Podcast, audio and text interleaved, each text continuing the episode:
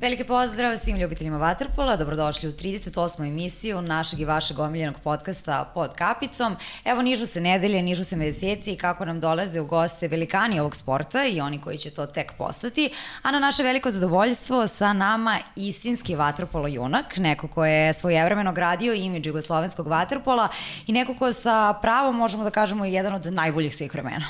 Pa definitivno, slažem se, slažem se Marina. Znaš, znaš šta me zabrinjava? Što si, to što si rekla, nižu se godine. Zaista se nižu godine, s obzirom da ja pamtim uh, naših dragog gosta, pamtim ga iz perioda dok je bio golman i uh, mogu reći da je to neki moj klinački period kada, kada sam i, i zavoleo vaterpol i neke utakmice u kojima je on bio akter koji će ostati onako zaovek u, u anale uh, vaterpolo sporta. Uh, imamo Marina mnogo toga da pričamo, pa ajde da, da, da ne dužimo svojim našim uvodima, da lepo predstaviš naše goste. Da, mi ćemo u uspesima i trofejima tek pričati tokom emisije. Dovoljno je samo reći da je sa nama Milorad Krivokapić, jedan od najboljih golmana koje je svet ikada video. Milorad je dobrodošli, veliko nam je zadovoljstvo što se ovde sa nama. I evo na samom početku ja volim sve da pitam kako vam se čini naš studio na kraju univerzuma. Hvala lepo na lepo najavi, naravno da mi se sviđa i sa zadovoljstvom sam prihvatio da bude vaš gost. Nadam se da ćete uživati. Izvoli, pa evo. Hvala vam puno, hvala vam puno što ste došli. Ja moram pre svega da kažem kada sam vas pozvao, kada, e, sa, kada sam se pozvao na, na Jovana Sekulića Marinovog tatu, rekli ste dolazim gde god treba da dođem. Da, i još sam dodao i peške ću doći ako treba. I peške ću doći ako treba, da. tako je, da. E, Marina ja ovakvim, e, ovakvim prilikama volimo da krenemo, da krenemo od početka, od starta karijere. Vi ste rođeni u Bijeli, pa je uobičajeno pitanje e, da li to odrastanje na moru negdje i podrazumevalo da vaterpolo bude, da bude izbor. Kako se sve odigralo? Pa jeste, naravno. Ja sam rođen na moru, jedno malo prelepo mesto Bijela u opštini Herceg Novi. I jedini pravi sport u to vreme je bio tamo vaterpolo, znate, tamo kada prvo što naučite morate da odete u more, da morate da naučite da plivanje i pliveni, e, vodeni sportovi su bili na prvom mestu, iako je bilo i drugih sportova, ali nema tog bijeljina koji nije krenuo da igra vaterpolo i koji nije igrao vaterpolo. Neko je bio malo bolji, neko je napustio, opredelio se posle za školovanje, ali ja sam kao dečak već sa nekih 11-12 e, godina počeo ozbiljno da treniram i neki treneri su to videli i stavili me na pravo mesto. Uh -huh. E sada, kako pamtite odrastanje, odnos prema vaterpolu? Da li ste možda bili zainteresovani za neke druge sportove ili samo ovaj? Pa, ja sam želio da postane vaterpolo igrač i to sam najviše želio da postanem centar, nikako ne golman. Uh -huh. Ali zahvaljujući jednom uh, vrsnom stručnjaku, profesoru tada fiskulturnog uh, vaspitanja, gospodinu Novakoviću, on je video nešto mene i rekao, ne, ne, ti ne možeš da budeš igrač, ne možeš da budeš centar, je to bila moja želja, ti ćeš da budeš golman, video sam u tebe odličan refleks, sve, veliku maštu, mislim da ćeš tu uspeti i ja ti naređujem, alterne mi su morali slušati to, deca mala morali su slušati, nema tu, treneri su se tada poštovali. Da, e, kažete morali ste slušate, ali e, jeste bilo tako vreme, autoriteti su uvek morali da se poštuju, ali bilo nekako drugačije vreme, e, bezbrižnije kada pričamo o odrastanju i druženju. Međutim, taj učinak u školi je takođe bio jako bitan kada pričamo o, o, o sportu generalno. Morali su da dobre ocene uz, uz mogućnost da se, da se treniraju, tako? E, to je malo kasnije došlo. Malo mhm. kasnije došlo, posebno u vreme kada sam ja postavio trener. Mi smo imali, naravno, trenere koji su morali obilaziti djecu i njihove ocene kod raznog starešina u svim školama na teritoriji Beograda gde su bili. I vodilo se na prvo mesto njihovo obrazovanje, njihove dobre ocene, pa tek onda kakav će sportista biti. Jer smo smatrali da to mora da bude zajedno i škola i vaterpolo. Vaterpolo se ne može živeti, može se stvoriti i možete postati odličan vaterpolista, ali od toga se u to vremenu nije moglo živeti, tako da ste morali završiti školu. Uh -huh. A mi u Bilo je, naravno, imali smo samo taj jedan bazen u moru i morali smo najviše da se, da, da, da se bavimo vaterpolom i tako su nas i ti nastavnici i ti su nas stalno gurali vaterpolo, vaterpolo, vaterpolo i u Boki Kotorskoj sport broj 1 i tu se možete pronaći, tu možete i videti neku karijeru da napravite jer puno, odlaz, puno je ljudi odlazilo tada u Beograd na fakultete i onda je gledalo svoju mogućnost da pored vaterpola i završe fakultete. Koji, ja ne znam vaterpolistu iz Boke koji je došao u Beograd ili negde na neko drugo mesto da nije završio fakultet. Svi vaterpolisti su obrazovani i svi su završili fakultet.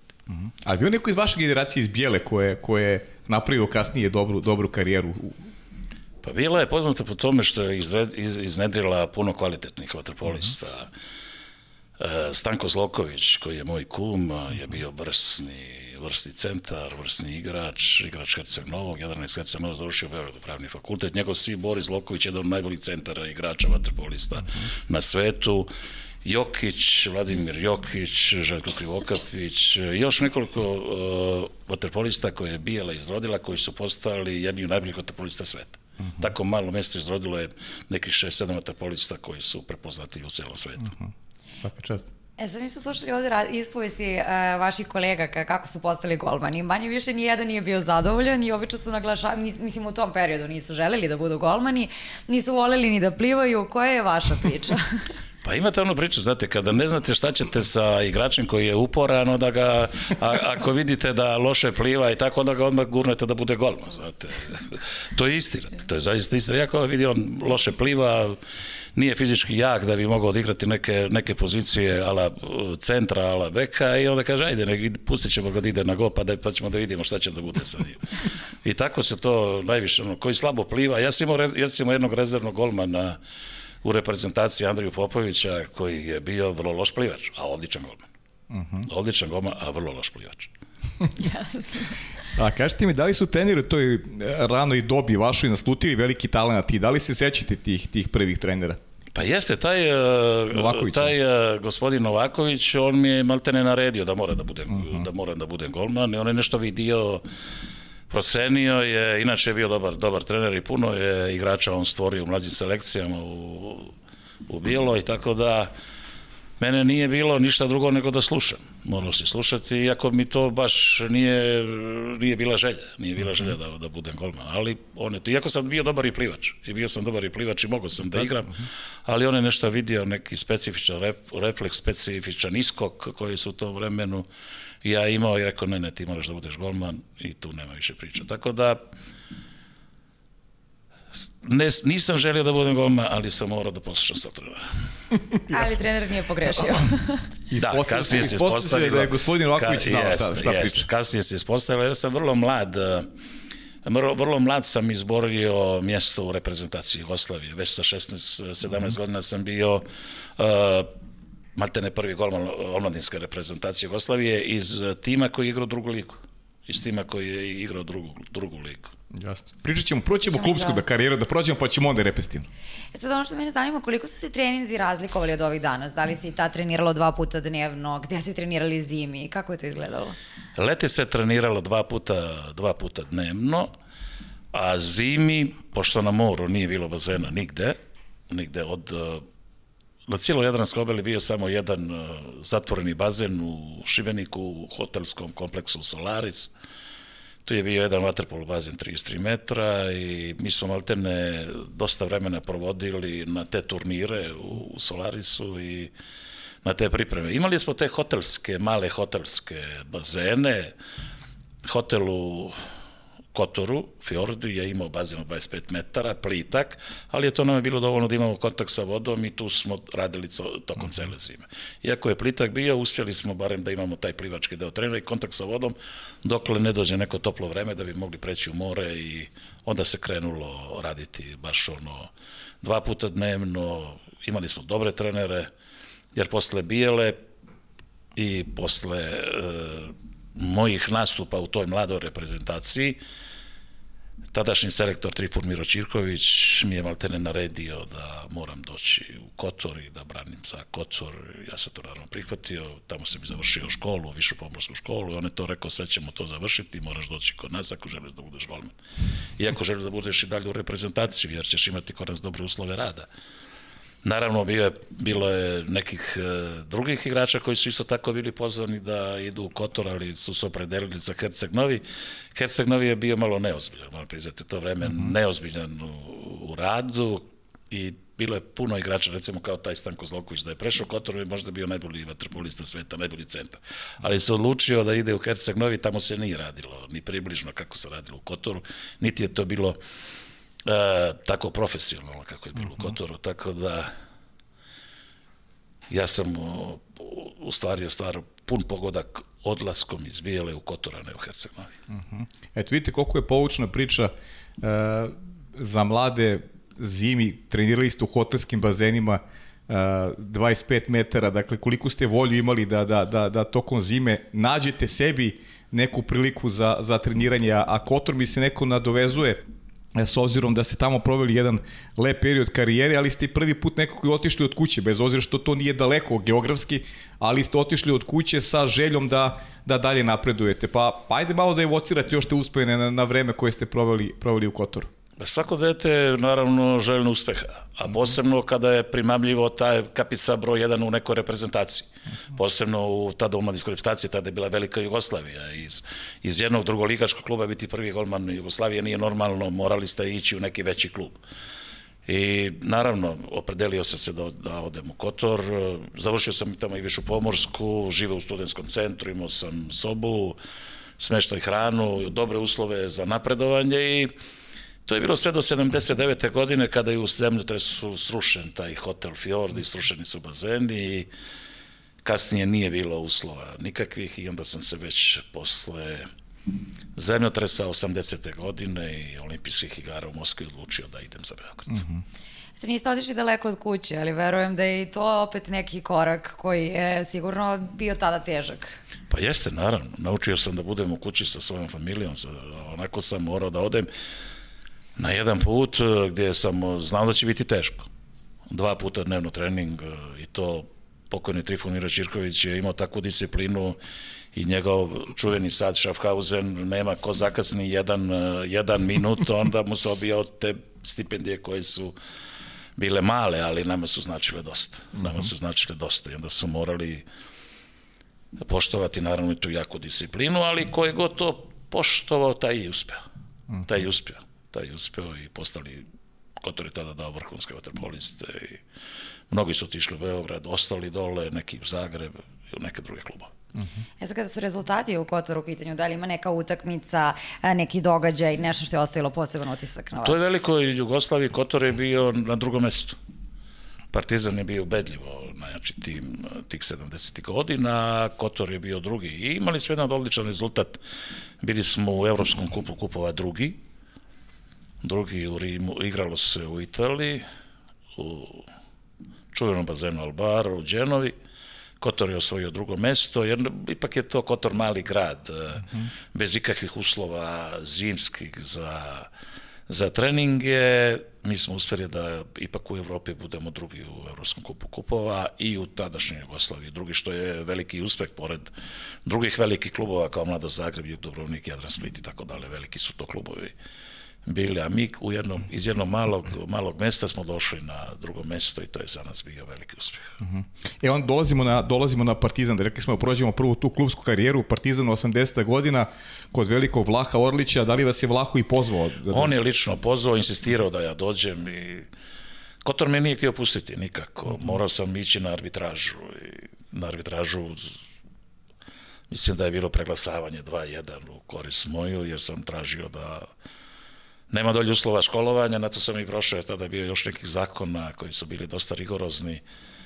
Moglo se samo, ako nemate fakultet u tom mestu, da pređete u neki veliki grad, onda možete dozvoliti. Ja sam naravno ovde upisao fakultet i tamo sam samo dve godine imao i onda sam morao, tako sam i uspio da pređem u vezi škole, inače me ne bi pustili. I tada mi je taj e, veliki čovek i veliki trener Trifun Miro Čirković e, rekao da prelazim u najveći klub sveta svih vremena i čestitao mi je. I to je zaista istina. Vlako Orlić me je tražio, zvao me, a ja sam tada već posle, i u Moskvi bio prvi, prvi golman reprezentacije i tamo sam se dokazao, iako kao mlad trener i, mi, i Orlić je želio po svaku cenu da ja dođem i da brane za Partizan. Uh -huh. E sad, kako ste doživjeli tu promenu, prelazak u Beograd? Eto, sa igrače se znali manje više iz reprezentacije, ali opet i to je jedan veliki korak.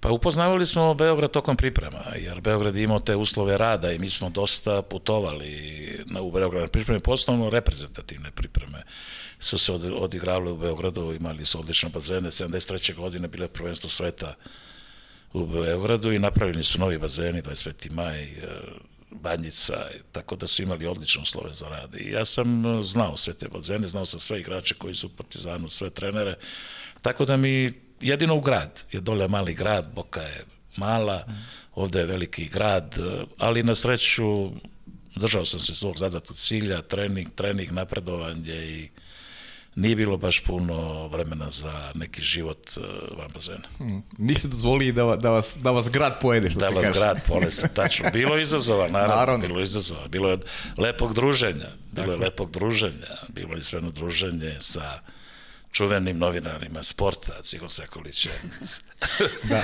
Zoranom Milovićem, mojim kumom, eh, Jovanovićem, Bradom. Mi smo svako večer bili zajedno. Što je izazov sam po sebi. Jeste, to je bio izazov. Ali nekako sam ipak znao šta mi je činiti, znao mi je da bez treninga nema, nema napretka, i tako da sam prihvatio. Izgleda Takav nam, način rada i života. da, izgleda nam je zajedničko to druženje sa Sekulićem. Jeste. da. A kažite mi, šta, šta Partizan čini e, specifičnim? Rekli ste da ste došli u, u, u najbolji klub na svetu. Šta ga čini toliko specifičnim u odnosu na Pa ostale? imali su najbolju organizaciju. To je bio najorganizovaniji klub na svetu. Počeli su da rade maltene profesionalno, već 80. godina su prešli na dva puta, da, trening dva puta dnevno tokom cele godine. Tokom cele godine imali su u to vreme najjačeg organizatora i najvećeg vaterpo radnika sveta, to je gospodin Vlaho Orlić. U tom trenutku koji je i napravio tako jak partizan i moćan partizan. Šest puta u to vreme kad sam ja došao bili su prvaci kupa šampiona. Ali tada smo doživjeli jednu smenu generacija, smenu generacija, stari igrači su napustili, onda je krenulo tih eh, mlađih igrača koji su bili odlični, ali trebalo je da prođe neko vreme da bi se vratili na stare staze i dali smo prednost, prednost mladima. Tada je gospodin Orlić dao prednost mladima i mislim da je, da je uspeo, su se tada rodili Milanović i Andrić i mnogi Vasović i tako dalje. Gočani. Odlični, Gočani naravno i odlični igrači. E sad, 1984. proglašeni ste za najboljeg sportistu Jugoslovenskog sportskog društva Partizan. Osvojili ste titulu, a Liga je u to vreme, kao što smo već ispomenuli, možda bila i najjača na svetu. Pa jeste. Ja mislim da je naša liga uvek bila najjača. Daleko jača i od Mađara i od Sovjetskog saveza i od Španaca, Italije. Mi smo imali 7-8 timova koji je svako svakog mogao da pobedi. Svako svakog mogao da pobedi. Nije lako bilo ni Partizanu, ni Mladosti Zagreba doći i pobediti i u Kotoru, i u Herceg-Novom, i u Dubrovniku, i u, i u Splitu, gde su bilo tri vrhunska kluba, i u Rijeci, jer, znate, nije to bilo lako.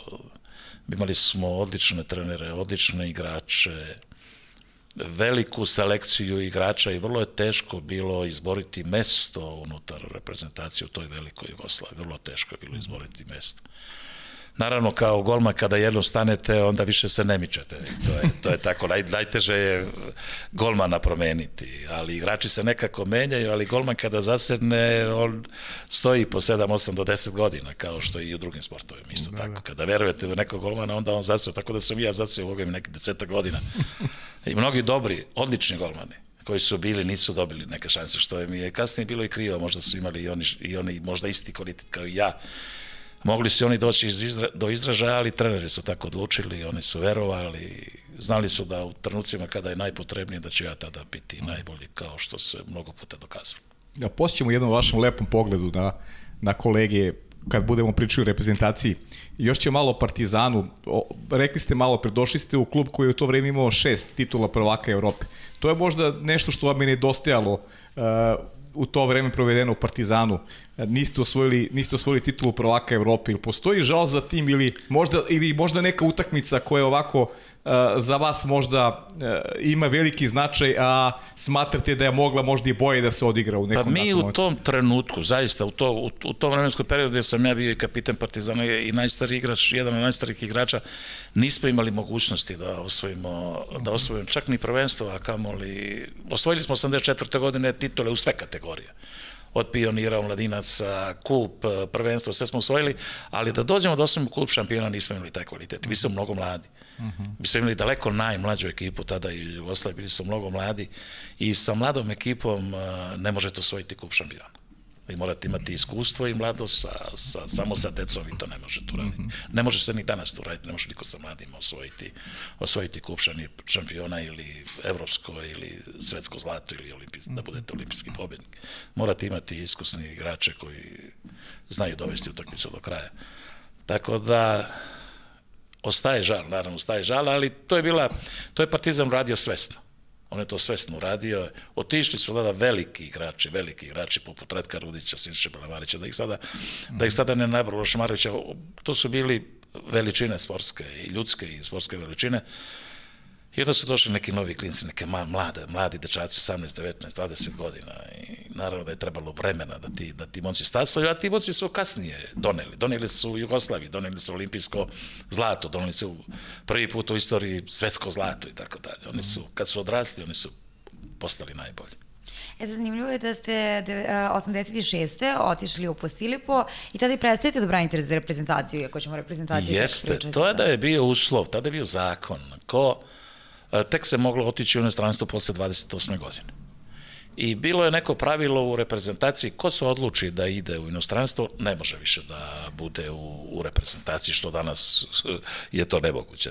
Svi lab skoro igraju, igraju u inostranstvo. Tada je bio uslov, pošto je bilo puno, zaista puno igrača, ko se odluči da ide, da igra za neki strani, strani klub, on neće više biti pozivan. Ja sam bio toga svestan, ja sam već tada imao dovoljno godina i već dve godine sam imao mogućnost i pre toga da odem, ali upravo zbog tog, zbog olimpijade i u Los Angelesu smo osvojili zlato i prvi put u istoriji 86. gde smo postali prvaci, prvaci sveta, ja sam odlučio da ostanem. I tek sam, kad smo to sve osvojili, tek sam onda odlučio da odem u Italiju. Otišao sam na veliki klub po Silipo, gde smo osvojili kup Italije, tada Evropski kup kupova i jedan dobar klub, stabilan klub.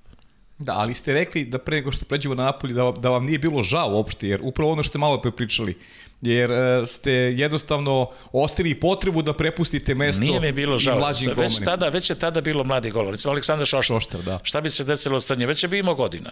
Mhm. Već je imao godina. Šta bi se desilo s njim da sam još ostao ja dve ili tri godine? Igrao bi još olimpijadu u u Seulu, sigurno bi branio i tada tamo, šta bi on bi nestao kao golman. Ovako, ja sam otišao, on se dokazao i postao odličan golman. Jeste. Postao Znači, imate te situacije, ja sam zasio puno 8 godina tu bio kao prvi golman i puno je golmana prošlo pored mene, da nisu imali šansu da se, da se dokaže. A isto su bili odličan golman. Isto su bili odličan golman. E, Ali eto, to je sudbina sportista. Jeste, jeste. Pogotovo golmana, jer to je jedno jest, mesto. Jedno... Pa to je jedno mesto, posebno da. ako trener imaju poverenje u vas, on vas neće nikada promeniti. Znate, pa to je i u futbalu isto, kad imate E, odličnog golmana nemate razloga da ga menjate. Tako je. I ne menja se, on može da bude godinama i godinama. Drugi se svi mogu menjati, jer je tamo 11 igrača, ali golman uvijek, ako imate povrednju njega, on je tu i Zadnja prepreka, da. on je zadnja prepreka, trener ima poverenje u njega i to je to. E sad, kako sećanje Napolje? Marina ja smo se lepo spremili. Znamo da ste prvog dana već imali jednu neprijatnost. E, imali smo više neprijatnosti. više neprijatnosti. E, ja sam se odlučio da idem u Napolje jer sam imao zaista dosta ponuda, ali nekako me to ime Posilipo koji u to vreme bio jedan, jedan od najjačih klubova u svetu, jedan od najjačih klubova u svetu, prvo sam otišao zbog toga. A imao sam informacije o Napolja da ima dosta delikvencije, da je dosta opasan grad. Ali desilo se maltene prvi moj potpisivanje ugovora i nekakve dobijanja nekih, nekih para, nekakve kotacije. Nas je predstavnik kluba doveo nekih 20 metara do hotela i ja i moj menadžer koji je bio gospodin Šitić iz Splita smo prošetali tih 20 metara i u prvih par metara je naišao motor iza nas, povukao je njega za tu torb, torbicu koju je nosio oko leđima, čovjek završio u bolnicu, katastrofa. A mene novac je bio oko ruke, zakrčen, znate, pogrešili su, pogrešili su ruku, pogrešili su ruku, ali oni to rade, rade svakom, ali te nema toga koji je došao da nije prošetao Vijarom i tako da nije mu otrnut lančić ili sat pokušao i tako da, ili torba posebno. Naravno, e, odneta je ta torba, pasoš, ja mi smo imali sutri dan e, avion e, za nazad, čovjek je završio bolnicu nekoliko sati, izvukli smo ga, vratili smo se u hotel, predsednik je za nekoliko sati došao sa vraćenom torbom, pasošem i svim dokumentima koji su bili tu potrebni. Za nekoliko sati. Ne sam ne, ne znam kako je to, da li je to policija ili neke druge, druge, druge veze, uh, druge veze proradile to, ne znam, ali Da, znam da je sve detalje. vraćalo, da je sve vraćalo posle par sati je sve vraćalo da bi sta, tako da, da bismo se mogli vratiti kući. E Bilo je tako prvi, onda sam rekao, jao, šta, gde sam ovo došao, kakav je ovo grad. A puno puta sam vidio ispred sebe u toj glavnoj ulici Via Roma, onako idemo, šetamo i dođu turisti, najviše englezi, pa izbace zlato oko, oko vrata, znate, samo vidite oni momci, samo izletu iz onih malih sporednih ulica, to je stari španski grad, uske ulice po metar, metar dva, samo izlete iz tih sporednih ulica i otrgnu lančiće, otrgnu tim ženama, one ostanu začuđene, ali to je tako. Mislim da je i danas tako, da, da je dosta, dosta, dosta problematično, dosta delikvencije. E sad kada pričamo o Napolju, kada da vas vratimo u to vreme, eto imate 28 godina, stižete tamo, šaljete razglednicu, kako biste opisali? Pa dobro, Napulj znate kako ono kaže, se vidi Napulj pa umri. Jedan od najljepših gradova na svetu. I zaista je tako. Tu preko puta imate Kapriski, mislim, imate, imate šta god zaželite. Sorrento dole ispod, Pompeji, jedan, jedan prelijep grad, prelijep grad, zaista. I ti vaterpolo klubovi su na, na, to su Čirkola, to oni su na plažama. Oni su na plažama, ja u toj Posilipo ima negde možda desetak hiljada svojih članova. I ti, su- to su prebogati ljudi, to su prebogati ljudi koji plaćaju enormno veliku članarinu da bi imali svoje mesto, svoju plažu, svoje restorane, svoje bazene za rekreaciju, oni tu dođu sa familijama, igraju karte i tako dalje. I onda su rekli, ajde da finansiramo i neki sportova. Oni su izabrali jedriličarstvo, plivanje, vaterpolo i tako dalje. I tako, dalje. tako i neki, još neki klubovi u Napolju, kao što je Ranatis Napoli, Kanotir, isto tako jakting klubovi. I oni pored toga što, što ti bogati ljudi tako uživaju i imaju mogućnosti da finansiraju i neke od sportova po njihovoj želji, naravno. Lep grad, jedan od najlepših gradova na svetu. Zaista se sretan što sam tamo proveo dve godine i kada bi se to malo delikvencija suzbila, ali mislim da to je nemoguće, mislim da je to nemoguće. I oni su navikli na to, da- sa tim da žive, znate. Oni su sa tim navikli da žive i to je za njih sve normalno. Tako žive. Možemo mi to da daje neku čaru. Mislim, Ma, što da. gledamo po filmovima, serijama. A, mnogi su s ovih prostora igrali za Posilje, pa eto i Šoštar, vaš naslednik u Jeste, reprezentaciji, je puno bio napolitanac. puno igrača igralo za Posilje s ovih e, prostora, to je bio taj e, veliki klub, nažalost u zadnje vreme više nije, više nije, od kad se pojavio čuveni Proreko sa jednim gospodinom koji je multimilijarder koji ne pita uopšte Šta košta? koliko košta, nego kaže, a ovaj, e, njega mi dovedite, on je najbolji i tako napravi na jednu skupinu igrača koji su najbolji, plati koliko je potrebno da oni budu zadovoljni i tako osvaja svake godine prvenstvo Italije bez ikakvih problema. E, pamtit će se da ste osvojili kup kupova, osvojili ste italijanski kup. Šta je bilo teže, a, a, a, a šta Pa slađe? dobro, to su bili jaki, jaki, mi smo imali tada mali, malo pehova, trebali smo i da, i da, i da osvojimo i druge, i, i, druge titule, ali neki dvojica najboljih naših igrača, jedan je polomio ruku, drugi, drugi je polomio, uh, imao je problem sa ramenom, i- zašto me rame iz ležišta, tako da bez ta dva igrača nismo mogli da pobedimo Peskaru, a Peskara je bila izuzetno jaka sa Manuelom Stearteom i jedna, jedan izuzetno bogat klub je bio u to vreme i oni su nažalost sada e, dosta pali, tako da u to vreme su bili izuzetno jaki, to su bila dva najjača kluba, Posilipo i, i Peskara. Ništa mi nije žao što se tog dela tiče, zaista osvojili smo i to je bilo dovoljno za to, za, za to što sam kr- kratko vreme tamo bio. I jedva čekao, kad sam napunio 32 godine, jedva sam čekao da se vratim kući, da vam pravo kažem. E, to mi zanima. Šta, a, zbog čega ste rešili posle dvije godine da završite karijeru? Pa onog trenutka kada sam osetio da više nemam volju, da nemam želju, iako sam mogao još, branili, ljudi brane do 40 godina, ja sam u 32. prestao. Kada sam bio maltene na vrhuncu, na vrhuncu bio sam odličan i, u to, i u, sa tih 32 godine, kada sam vidio da nemam više želju da treniram kao što sam nekada trenirao, da mora, da mora doći do pada u kvalitetu, rekao sam bolje da te pamte kao takvog nego da, da, da, da, da te pamte kao golmana koji ide samo sada juri novac ili ne znam nije što drugo, radi ono zašto si, šta si, zašto si se opredelio, ja sam već i dok sam bio igrač od malena pisao sve treninge svih trenera koje sam imao, mm -hmm. tako da sam već tada znao da će se baviti trenerskim poslom. Jedva sam čekao da se vratim, da krenem da se bavim trenerskim poslom. Da je stvarno odlika veliki sportista ovi, da, da stanu onda kada kada im telo kaže dosta je, iako, E, upravo tako. iako su mogli da naplaćuju godina. svoju da- karijeru mogli da naplaćuju to što su, što su uradili unazad u svojim karijerama. Jeste, mogao sam naravno godinama da ostanem još, ali onog trenutka kad sam vidio da mi, da ne mogu više da se ustajem tako Mhm. rano i da idem u 8 sati da sam na treningu, uh, rekao sam ne, ne, bolje, bolje da ovo završimo i da te pamte barem kao, kao dobro golmana, ne kao loš. Mhm. E, idemo sad na, na, idemo sad na reprezentaciju. Krećemo naravno od juniorske reprezentacije Jugoslavije. E, pričali ste sami da ste kao mlad, kao mlad golman već postali i e, golman prvog tima. A nam ispričate sada već onu čuvenu anegdotu iz, iz Šibenika. A, pa, i, ili treba da vas podsjećam? Ne treba. Imate, imate anegdote, to je odlično.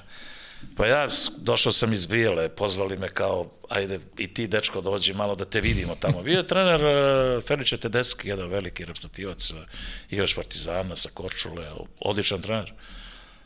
I ja kažem, ajde, idem i ja, došli golmani Partizana, Crvene zvezde, Juga, Dubrovnik, Herceg Novo, Mladosti, tamo već 7-8 golmana.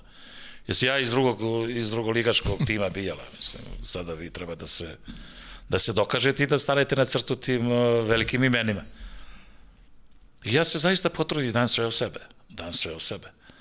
I zaista sam u tih, uh, u tih uh, nekoliko nedelja priprema zaista oskakao. I to sam i ja primetio, da oskačem u odnosu na ostale. Ali nisam ni razmišljao da, da ću ja da izborim mesto da u dva golmana da idem na, na turnir u La Rochelle u Francuskoj tada. Završava se kamp, uh, saopštava se nekoliko dana pre nego što odemo, saopštavaju se imena i čita gospodin Tedeski broj 1 Milorad Krivokapić, broj 2 ja sada gledam. Ja samo čutim, ništa nisam rekao, ja posle kada je završio taj sastanak, kaže, pa gospodine trener, ja nemam ni pasoš, nisam vadio pasoš, nisam ništa, nemam ništa. Pa kako nemaš? Pa nemam, nisam možda očekivao, verujte mi da ću ja da izborim mesto, da u mesto i da uđem u tim, da budem prvi golman reprezentacije Jugoslavije iz jednog malog mesta. E, ti ćeš biti prvi, prvi golman, to si ovde pokazao, daleko otkačeš od svih ostalih, a zvaćemo tvoj klub e, da ti urade pasoš i da ti ga pošalju autobusom, tada je bio čuveni zadarski autobus, išla linija Kotor, gore reka, do, do rijeke sve, ja mislim, i, i, i dalje. Ja zovem predsjednika kluba, uradite to što treba da se uradi. On pođe kući, nađe neke slike, ode u opštinu, završi kako je završio u, u sup, završi kako je završio i ja dobijam taj pasoš čuveni i vidim šta tamo i piše. I sada da ne pričam o tim detaljima, odoh ja za Ralošel i tako, tada sam pošao i više se nisam skidao do 86. Autobusom dva dana se putovao. Ma dva dana, autobus lepo i sve super završilo. Glavno je bilo da smo mi otišli u, La, u Larašel i da smo mi otišli u Francusku i na taj turnir. Evo, tada je već počelo da se priča o meni, kako nije više normalno da ja budem u jednom malom klubu. I tadašnji selektor Trifonira Ćirković je dobio sve te karakteristike, sve to što sam rekao i odmah je došao u Bijelu i na Maltene naredio tim ljudima i toj upravi tada. Bio jedan kapetan, veliki čovek, Nenad Žalalić, koji je bio predsednik kluba u Bijelo, i on je on je sugerisao da se ide u Herceg Novi, bio je prijatelj sa Herceg Novim, ne sa Kotorom, ali ovaj rekao, ne, ne, ako želite da bude u reprezentaciji, a ja sam selektor, on mora doći u Kotor i mora biti pod mojom kontrolom. I tako je to provagnulo, mada sam i ja to želio isto i ja sam izabrao da budem sa njim. A kad ste vi shvatili koliki talent imate? Verujte mi tada. Verujte mi tada. Ja sam oskakao zaista od tih dečkića dole u Boki u to vremenu, posebno u, u nekim stvarima, refleksima, iskoku, pratnji, praćenju utakmice, dodavanju u kontri i tako dalje, ono što, što, što, što se tako mladome brzo zapazi. Ali tada kada sam bio na tim prvim pripremama, prvim zvaničnim pripremama za reprezentaciju, za odabir reprezentativaca, tu kada sam vidio sve te moje konkurencije koji su bile odlične, zaista, sve prvi golmani, iako su bili mladi, svi su bili maltene prvi golmani u svojim klubovima. I kada sam vidio, e pa nisu oni ništa bolji od mene, ajdemo mi to malo da pojačamo, idemo da se borimo sa njima. I na kraju onaj čita trener broj 1, taj, taj, a ja ništa nemam kod sebe, ni pasoš. Dobro se završi. Sjaj. Eto, te godine ste već na mediteranskim igrama u Splitu i veliko finale s Italijom. Ako se ne varam, vi branite peterac kod 5-5, kasnije Jeste, Jugoslavija da. pobeđuje 6-5. To je ta, ta, ta, ta prva zlatna medalja na mediteranskim igrama, čuvena italijanska reprezentacija koja je godinu dana pre toga bila prvak sveta. Ta ista reprezentacija je bila prvak sveta, 78. godine, bila je prvak sveta i mi igramo finale sa njima, 5-5 je bilo zaista i Baldinetti šutira penal i to je bilo kraj utakmice, ako ga da, gotovo je. Ja na sreću znao sam otprilike, pošto sam uvek uh, i po naređenju trenera morao da sjedim na tribine dokle se igraju druge utakmice, da pišem i gledam gde ti, gde ti igrači u najvažnijem trenutku utakmice da oni pucaju penale. Jer e, ima to kod igrača, kada je najteže, on uvijek ne menja stranu i uvijek puca u jedno mesto. Ako je već razlika velika, onda on može i da, i da menja. Ali kada je, kada je ono naj, najvažniji trenutak, on će da puca tamo gde je najsigurniji. Ja sam znao da Palitineti puca desno visoko, sačekao sam, odbranio sam taj penal, mi su postali prvi put, mi su postali tada prvaci meditanetske igre u Splitu, koje je bilo veliko takmičenje tada, zaista veliko takmičenje. Uh -huh. Split je potpuno izgrađen za mediteranske igre, sve je novo bilo, fenomenalna organizacija i mi smo tada postali prvaci mediteranskih igara. I kakav je osjećaj? Pa naravno, tada sam još uvek, tada sam prvi put stao na gol kao prvi golman, kao prvi golman. Tada je, do tada ja sam branio već od 75. 6. 7. godina, branio sam sve utakmene rezultacije tamo gde prvi golman Luko Vezelić nije hteo da ide a on je bio poznat po tome da ide samo u evropske zemlje. I jedino ga trener Miro Čirković mu bio vrhunski golman, fenomenalan golman. Golman Juga iz Dubrovnika. I on je rekao, ne, ne, ja samo mogu da idem na velika takmičenja ili u neke evropske zemlje, ali na istoku uopšte neću da idem. Tako da sam ja morao da idem i da branim Balkanijade u Turskoj, u Bu Rumuniji, u Bugarskoj i ja sam tamo išao, ali kad se išlo negde drugo, Berlin i tamo to. Na zapadne. Tamo ide on. Tako da je on 78. završio karijeru. Mislim, tada, što se tiče prvog, kao prvi golman, 79. meć, već mene uh, Trifon Miro Čirković gurnuo za prvog golmana i tako je to ostalo. Mm -hmm. Možeš ti Marina dalje slobodno. A, idemo znači onda na olimpijske igre u Moskvi, Može. 80. A, kakve uspomene nosite? Najbolji sportisti iz svih krajeva sveta, da li ste imali tremu, pamtite li neki susret sa sportistom kome ste se divili? Pa da, naravno. Imali, tada je bilo, bili smo svi zajedno u Olimpijskom selu i pamtim, zaista pamtim tu, tu, tu Moskvu jer je potpuno sve novo napravljeno. Znači sve novo od ničega su stvorili čudo, zaista, što nije bio slučaj na, na, na, kod drugi, u drugih zemalja da olimpijske igre, a u Moskvi je napravljeno zaista jedno veliko čudo, uložene su milijarde da bi se napravili, da bi se, da bi se napravili novi objekti, novi bazeni, novi, novi, novi stadioni, sve to izgledalo zaista fenomenalno. Mi smo imali jednu isto mladu ekipu, mlada ekipa pomešano iskustvo i mladost i znali smo da nam je najveći konkurent Sovjetski savez. To vreme je jedna izuzetno jaka, jaka reprezentacija sa Kabanovim, sa Mišljim je razeo, Šaronov je na golu bio jedna izuzetno jaka reprezentacija.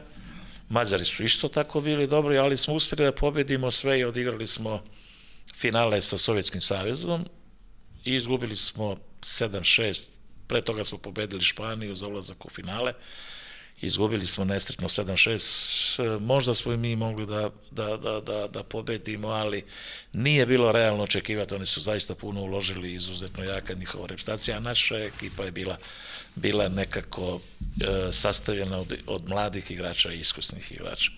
Tako da Rusi su ulagali puno i Sovjetski savez na Rusiji, jer bilo dosta igrača iz Ukrajine, iz iz Kazahstana, iz Uzbekistana, bio zaista jedna moćna ekipa, koja je zasluženo, mislim ipak zasluženo osvojila zlato. Mi smo osvojili srebro, bili smo zadovoljni sa srebrom, ali vas da je taj žal da smo možda mogli da osvojimo i zlato. A iza kulisa, kako je to izgledalo?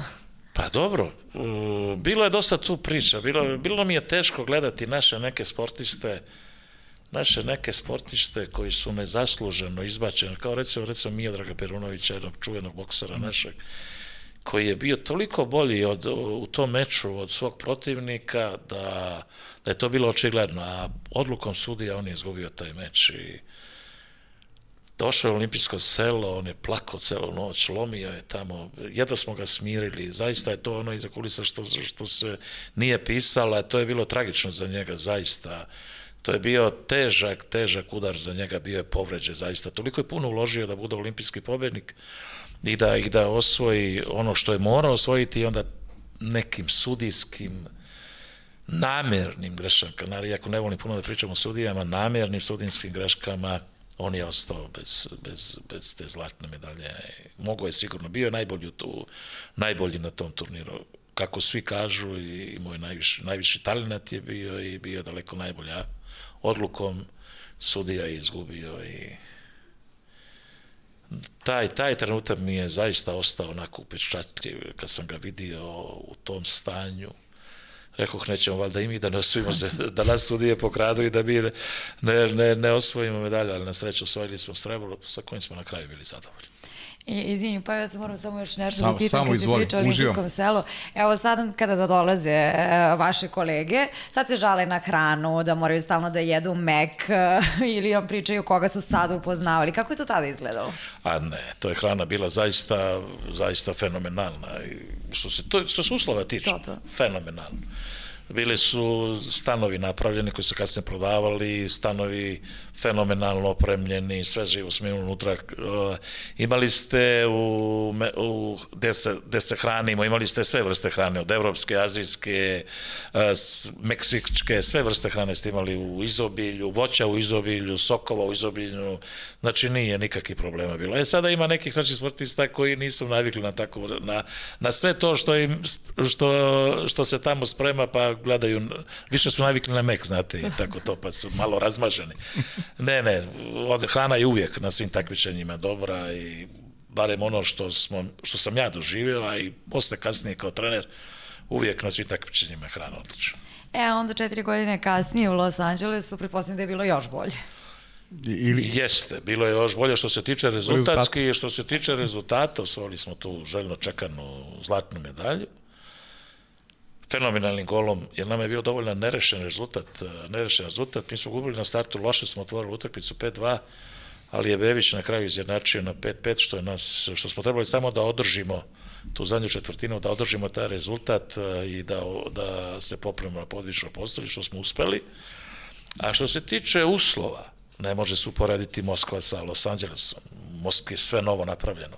A mi smo tamo spavali u Los Angelesu u studentskim domovima, znate, ono, željezni kreveti, zajedničko kupatilo, da, željezni kreveti, ja sam spavao na željeznom krevetu u studentskim domovima i ništa oni nisu tu, bazene su napravili na livadama gde su inače trenirali njihovi studenti i napravili montažne tribine u nebo za 25.000 ljudi dignuli su montažne tribine u nebo na 25.000 ljudi, otvaranje na starom stadionu i tako. Ja, ja nisam ništa vidio da je nešto novo napravljeno. Oni su tamo išminkali i na one već postojeće su odradili, a mi smo bili smešteni u studentskim domovima. Tako da se to ne može uporediti uopšte. Moskva je bila što se toga tiče zaista luksus prema, uh mhm. -huh. prema, prema Los Angelesu. Uložili su milijarde ovi tamo, ja ne znam, oni su samo, oni vjerovatno imaju šminkali. drugi, oni ne, ne, imaju drugi, drugi sistem, oni zarađuju, a ovi su to, ovi su potrošili. Uh -huh.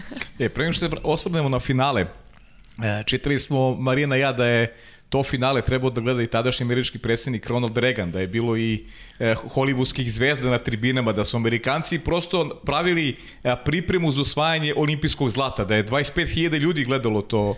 Mi smo stalno kada smo putovali od našeg sela do, do bazena, Samo su, smo gledali te transparente, dobrodošli na Pepperdine na, da gledate vaterpolo i sigurno zlatnu olimpijsku medalju za američke vaterpoliste. Jeste bila odlična reprezentacija. Zaista sedam godina, pošto su oni bojkotovali uh, Moskvu, sedam godina su bili na, op, na okupu da bi osvojili zlato u Los Angelesu.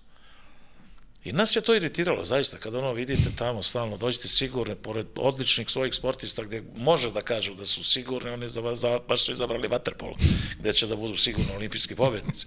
I nas je to iritiralo i taj naš uh, taj naš inat mislim da je još poradio još, još više i istina je da je jedina utakmica gdje je planirana bila da da gleda američki predstavnik rega bila vaterpolo, vaterpolo finale između Jugoslavije i Amerike. Naravno, Beverly Hills je bio kompletan.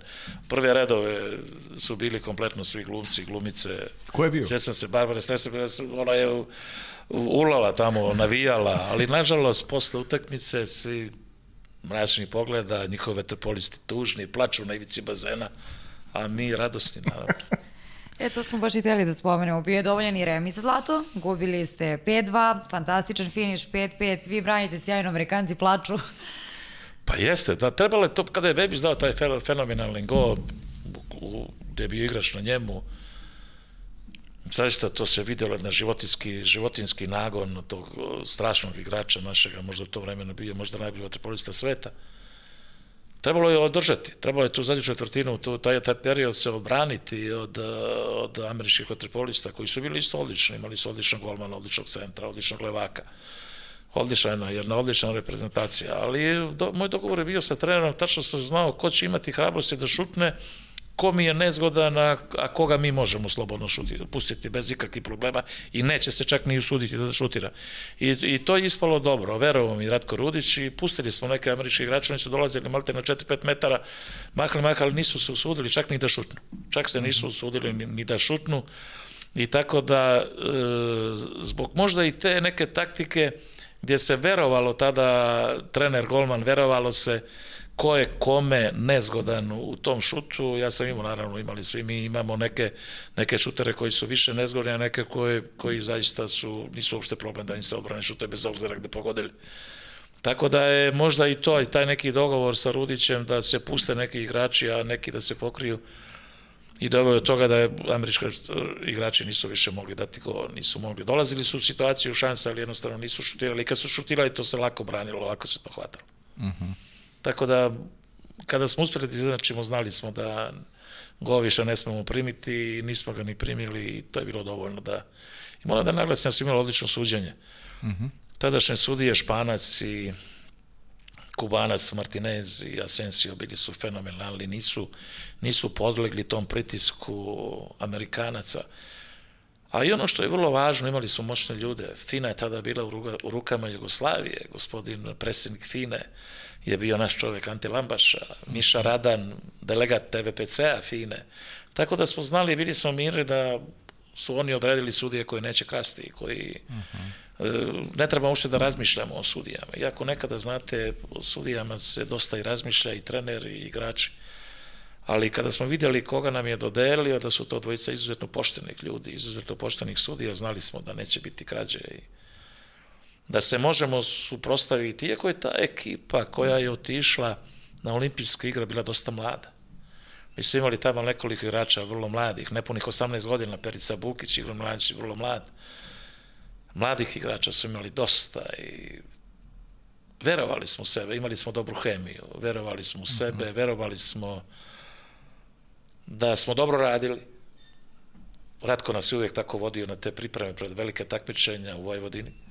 Nije nas naravno vodio nigde ni u Budvu, ni u Herceg-Novi, ni u Dubrovniku u toku letnjih perioda bi mhm. preskakli kroz prozore da idemo u život, nego negde u Vojvodini, tamo u Kikindi, u Kikindi gledamo kukuruz kako raste i tako. On je to znao vrlo dobro, iako je bilo, ajme, spličani kažu, ajme, šta ćemo ovdje, idemo umjesto u Splitu, mi došli gore da, da gledaju kukuruz, ali tako je bilo i zato smo i, i osvajali prvenstvo, zato smo ostajali po mesec dana jakog jakog rada, posebno bazične pripreme koje su bile vrlo, vrlo važne. Mi smo tu radili hotel, bazen, hotel, bazen, nismo imali šta da radimo, niste imali šta da, da, da, da odete. Pa, niste imali šta da odete i, Tako da je to bilo fenomenalno i taj njegov sistem gledanja na to, gleda, znam neke ekipe koje su posle e, radile pripremu u Budvi i nisu mogli navatati neke reprezentativce koji su bežali uveče kroz prozor. Mm -hmm. Naravno, ne mogu se složiti sa tim da se beže, ali znate, mladost, ludost i, i dođu ujutro kasno po diskoteke, sve otvoreno, a oni zatvoreni, oni zatvoreni, trening, bazen, trening, bazen, ali bez toga nema uspeha. Mm -hmm. Bez toga discipline i rada nema uspeha. Imali su dobar spoj, znači mladosti, iskustva i i Imali smo, i, ljudi su i, željeli, i željeli, su, Rudića. željeli su, željeli su da... U to vreme niko nije spominjao novac, verujte mi. Mi od tada nismo ni imali neki novac, imali smo neke stipendije po klubima, nije bilo novca. Ali smo gledali kako da, da obradujemo naciju, kako da obradujemo narod. Kako da, da, da, da, da, da, da donesemo tu medalju naše zemlje. Mi smo, to nam je zaista, ja ne znam jednog igrača koji je iz moje generacije da, to, da mu to nije bilo na prvo mesto. Da. Ja ne mogu da verujem kada sam došao tada u moju bijelu, tada se kaže pucalo, ne, kuće je bilo gde se nije pucalo kad smo postali prvaci sveta i olimpijske pobednice. Znači, nije, nije, nije kuće bilo gde se nije slavilo, veselilo. I onda dođete i oni vam daju, prenesu vam te utiske, pa vi ste najsretniji čovjek na svetu.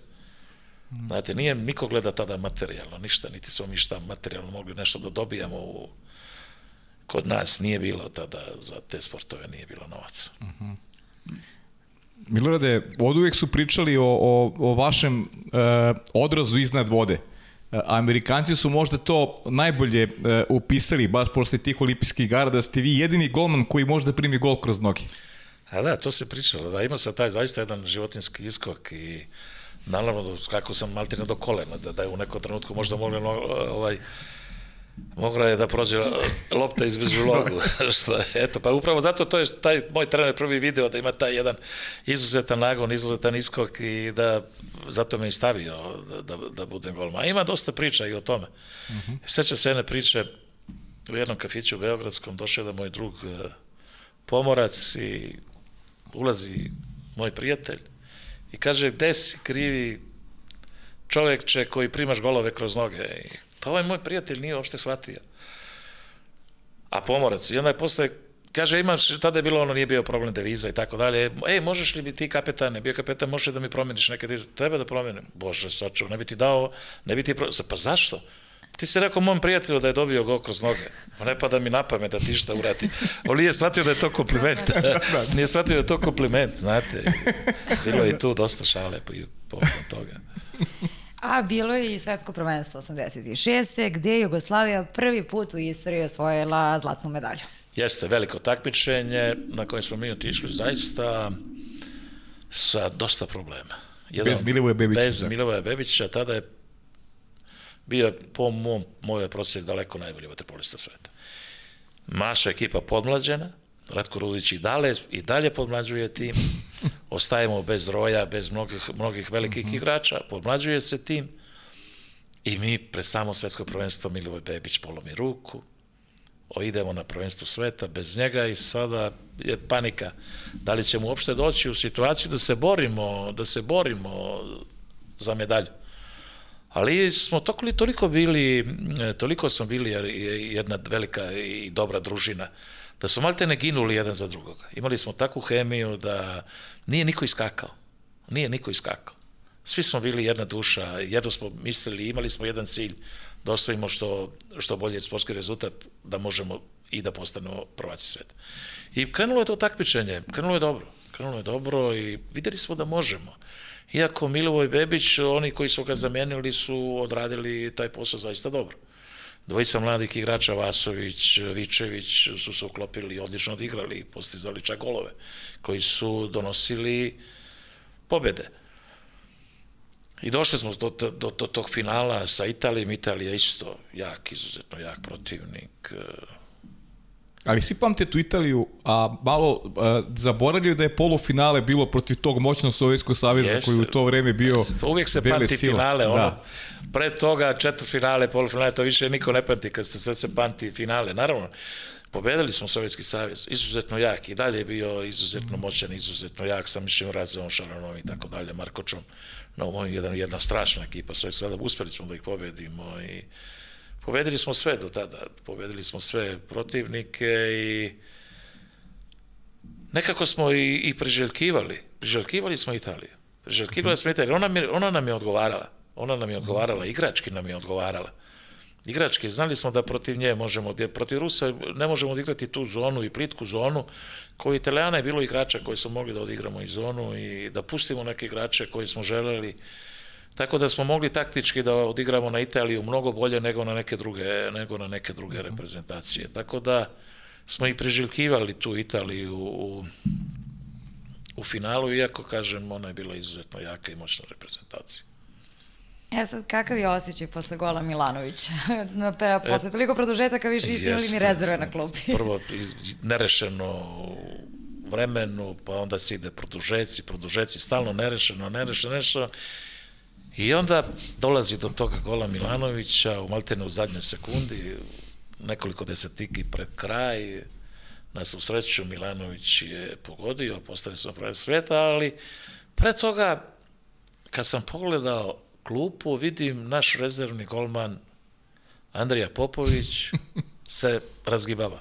Ovo je što loše pliva, priča. Taj što je poluplivač. ne loše pliva, ali je poluplivač. poluplivač. pa odličan golman. A odličan golman, ali poluplivač. I ja rekao, pa ja, ovo nije valjda da smo ostali bez svih igrača. Svi naši igrači su bili isključeni sa tri lične i niko više nije mogao da, da zameni.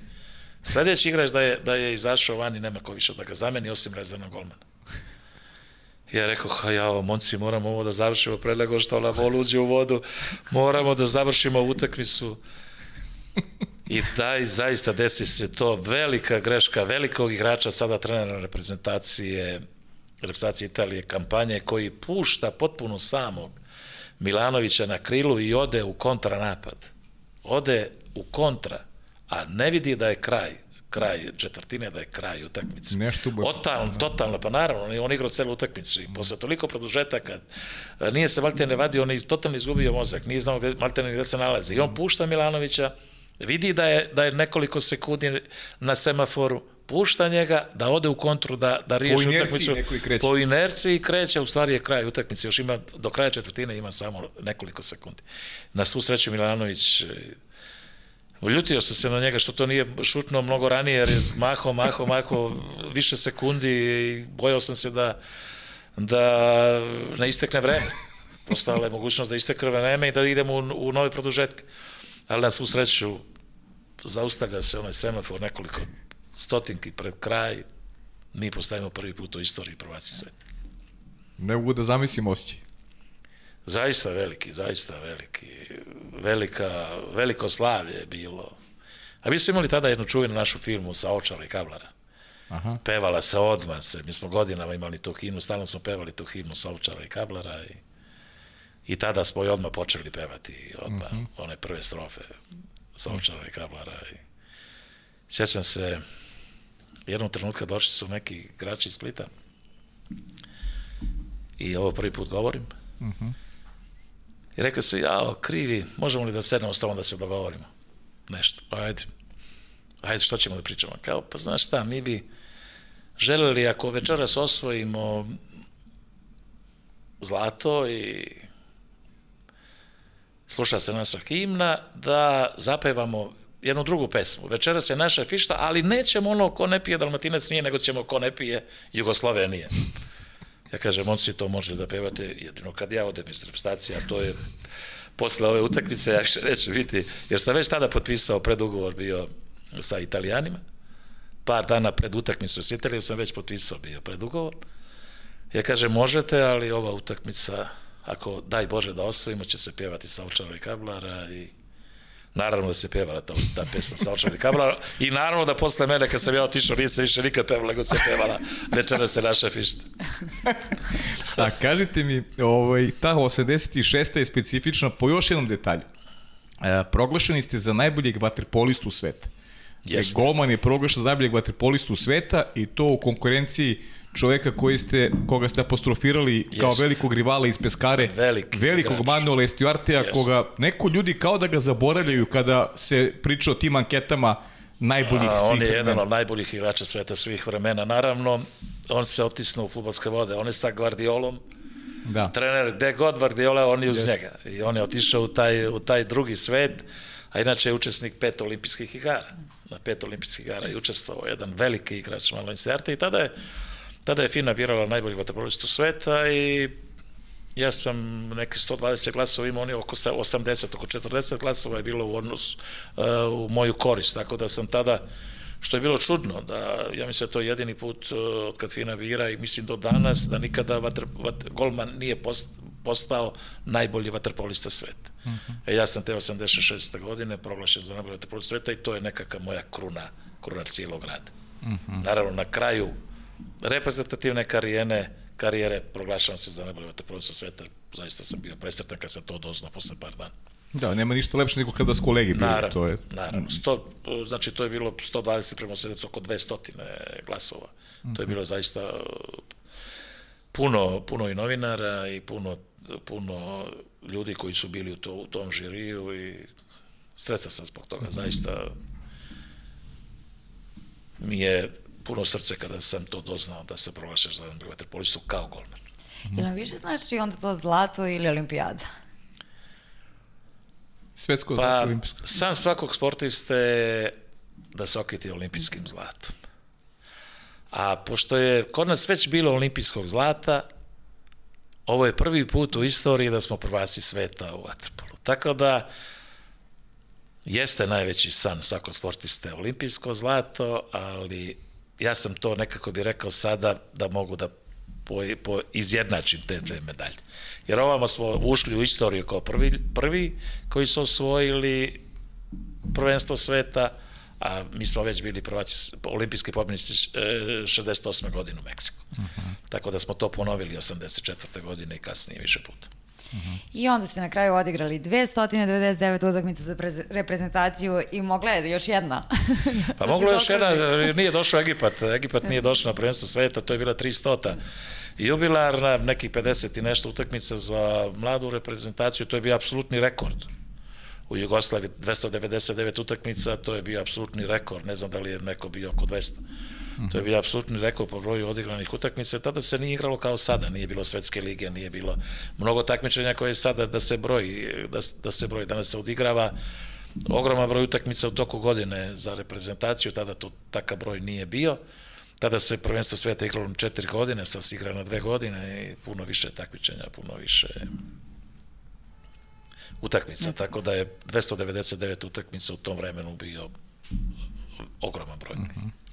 E, Partizan je obeležio negde vašu igračku karijeru, naravno u Skotor, ali ajde Partizan, rekli ste najbolji klub, branili ste za najbolji klub. E, u Zvezdi ste počeli trenersku karijeru, malo ste nam nagovestili da ste upisivali još kao igrač, zapisivali treninge. Kako se dogodila ta veza sa, sa Zvezdom i kako ste ušli u trenerske vode? Pa jeste, ja sam već tada, ja sam, imam i danas zapisane sve treninge, Radka Rudića, Vlaka Orlića, Trifuna Mira Čirkovića, imam, imam to zapisano i sam se opredelio da ću da posle karijere da budem trener. I desi se, kad sam vratio iz Italije, desi se da u Zvezdu dolaze ljudi koji su stvorili Partizan i najzaslužiji za uspehe Partizana, gospodin Vlako Orlić i Nikola Stamenić. Uh -huh i pozvao me Vlako Orlić, oni su bili zaduženi za rad prvog tima, a mene su predložili da li bih ja mogao da vodi brigu o radu mladih. Uh -huh. Što je, što sam oberučuje prihvatio, jer svi treneri treba da krenu da rade sa mladim i sa mlađih uh, uh, stepenica da prelaze na, na, na veće, znači od pionira koje je najbolje, pa do mladinaca, pa tek onda da preuzimaju seniorske timove. Danas se dosta toga radi pogrešno i nema toga više nego tačno iz bazena postaje se šef sluša štaba, što je strašno pogrešno. Strašno pogrešno, mnogi treneri tako i ne staju. Najbolje naravno kad iz bazena pođete da vidite kako je to raditi sa mladima. Šta se sa mladima može puno toga naučiti, znate. Uh -huh. Od dece se puno toga može naučiti kako se deca ponašaju, kako pokušaju da budu u, nekom god, u nekim godinama i kvarni. E, verujte mi, tu se puno toga može naučiti od dece. Ja sam toga puno naučio. Puno, e, puno smo e, davali na raz sa mladima tada u Crvenoj zvezdi.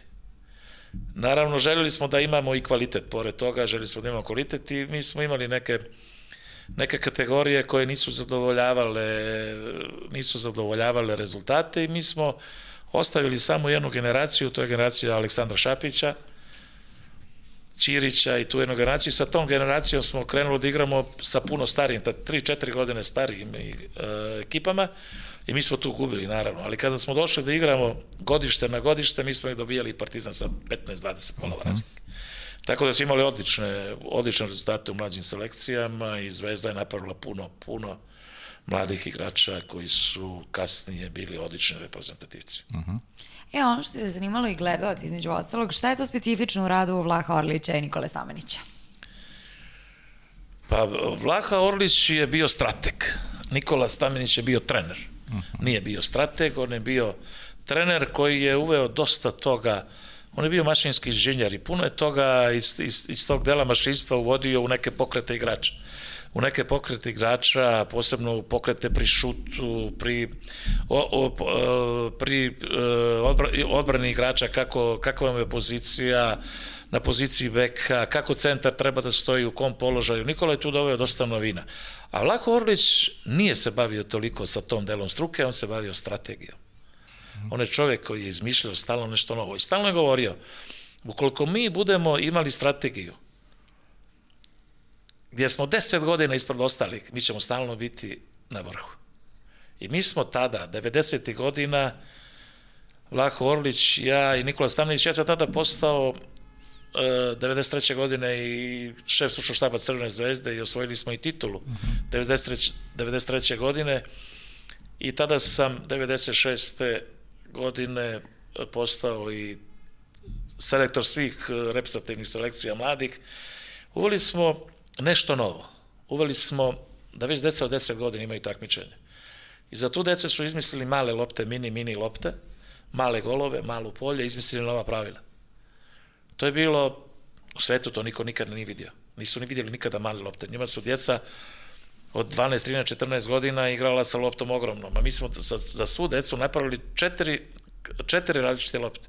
Tako da dete od 10 godina ima jednu loptu, dete od 12 godina drugu loptu, od 15 godina treću loptu i seniori svoju loptu.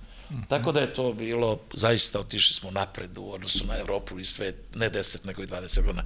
Danas vi vidite da svi kopiraju, danas ceo svet, kopira to što smo mi radili 90. godina. Mm -hmm. E sada moramo izmisliti nešto novo, gde ćemo opet biti ispred njih 10-20 godina. Treba Jer da... oni nas sve sada kopiraju. Da. Oni sve sada i male golove imaju na svojim bazenima, i male lopte imaju na svojim bazenima. Sve to već kopiraju, sada mi moramo nešto izmisliti. Nadam se da će imati toliko pameti da izmislimo nešto novo, da ćemo biti opet ispred, ispred, ispred njih. Ima li novih Vlaha Orlića? Nikola Ima, Stanić? imamo dosta mladih trenera, imamo dosta trenera. Imamo. E... Na svu sreću došao je Vladimir Vujasinović, on je bio trener u Proreku, došao je došao je, vratio se u Srbiju, tu je Dejan Savić, e, imamo trenera odličnog iz Kragujevca, imamo dosta trenera, nadam se da će još neki treneri koji su sada po inostranstvu se vratiti, jer najviše se stvara trenera u Srbiji. I mhm. tu školu, ako ovde nauče dobro, tek onda treba da odu vani. Mhm. I uvijek sam zato da svi naši igrači koji žele da uh, budu treneri, prođu našu školu, prvo rade sa našom decom, pa dođu do nekog prvog tima i tek tada kada su obučeni opredele se da idu u neke velike klubove po Evropi, tako da ne gledaju prvo pare, pa onda šta su naučili, nego prvo nešto da nauče, pa tek onda da idu vani. Uh -huh. e, mnogo igrača stasalo u, u to vaše vreme u Zvezdi, a aj nam ispričajte kako ste, kako ste doveli Vladu Vujasinovića. Pa jeste. Mi smo doznali, jedan dan smo sedali ja, Laho Orlić i Nikola Stavenić i dobili smo jednu informaciju došlo je neko čudo od deteta iz rijeke izbjeglica. Izbjegao je, izbjegli su mu roditelji u Novi Sad. Uh mhm. -huh. ja kažem, ej, ne smemo čekati, uzet će ga neko drugi. Idemo, palim auto i sa mnom. I tada sam, otišao sam ja kolima, Nikola Stamenić i Orlić u Novi Sad, pravo kod njega. Sa njegovim ocem porazgovarali, rekli mu dođite u Crvenu zvezdu, imaćete sve uslove napredovanja, Biće tako i tako i mislim da nisu se oni puno razmišljali, znate. Mm -hmm. Oni su prihvatili to, došli u Crnoj zvezdu, Vladimir Ujasinović je postao najbolji, daleko najbolji, najbolji igrač tada i dugo godina je bio najbolji vaterpolista sveta. Jedan, mm. jedno čudo od igrača, gde god da ga stavite na kojoj god hoćete poziciji, on je fenomenalan. I čak i na poziciji golmana bi mogao da bude, verujte mi. Jedne godine ja sam bio trener Crvene zvezde gde, kada smo postali prvaci u jednoj vrlo važnoj utakmici sa Bečejom za prolazak u play-off dalje, za ulazak u finale u borbi sa Partizanom. E, tadašnji naš igrač, prvi centar Jelenić je bio prehlađen, bio bolestan i mi nismo imali rešenje za drugog centra. I ja postavim Vlada Vujasinovića na centra, on toj utakmici reši tu utakmicu, postigne šest golova. Sa, inače je bek, on je, on je bek.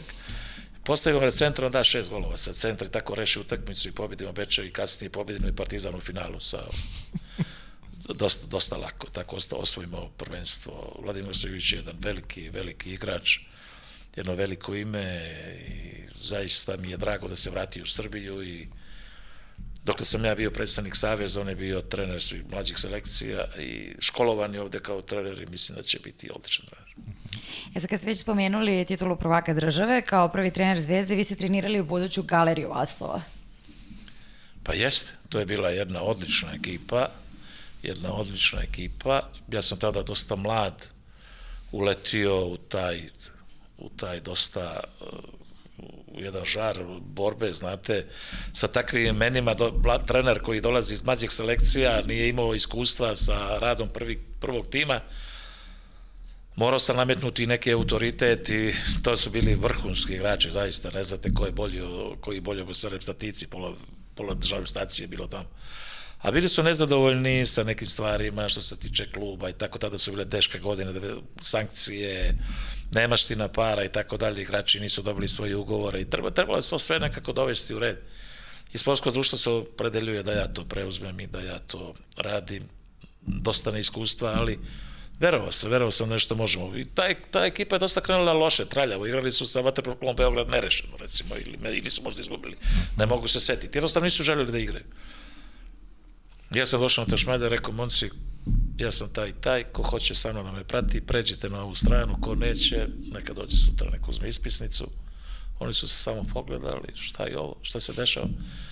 Moci ko, ko mi veruje i ko hoće da sa mnom da radi, tu ste, mene su odredili da izguram ovo prvenstvo do kraja, krenulo je haotično, mislim, ne, ne, ni vi, ni mi ne treba da se brukamo, vi posebno koji ste jedni od najboljih igrača sveta, naravno i najbolji u, u državi.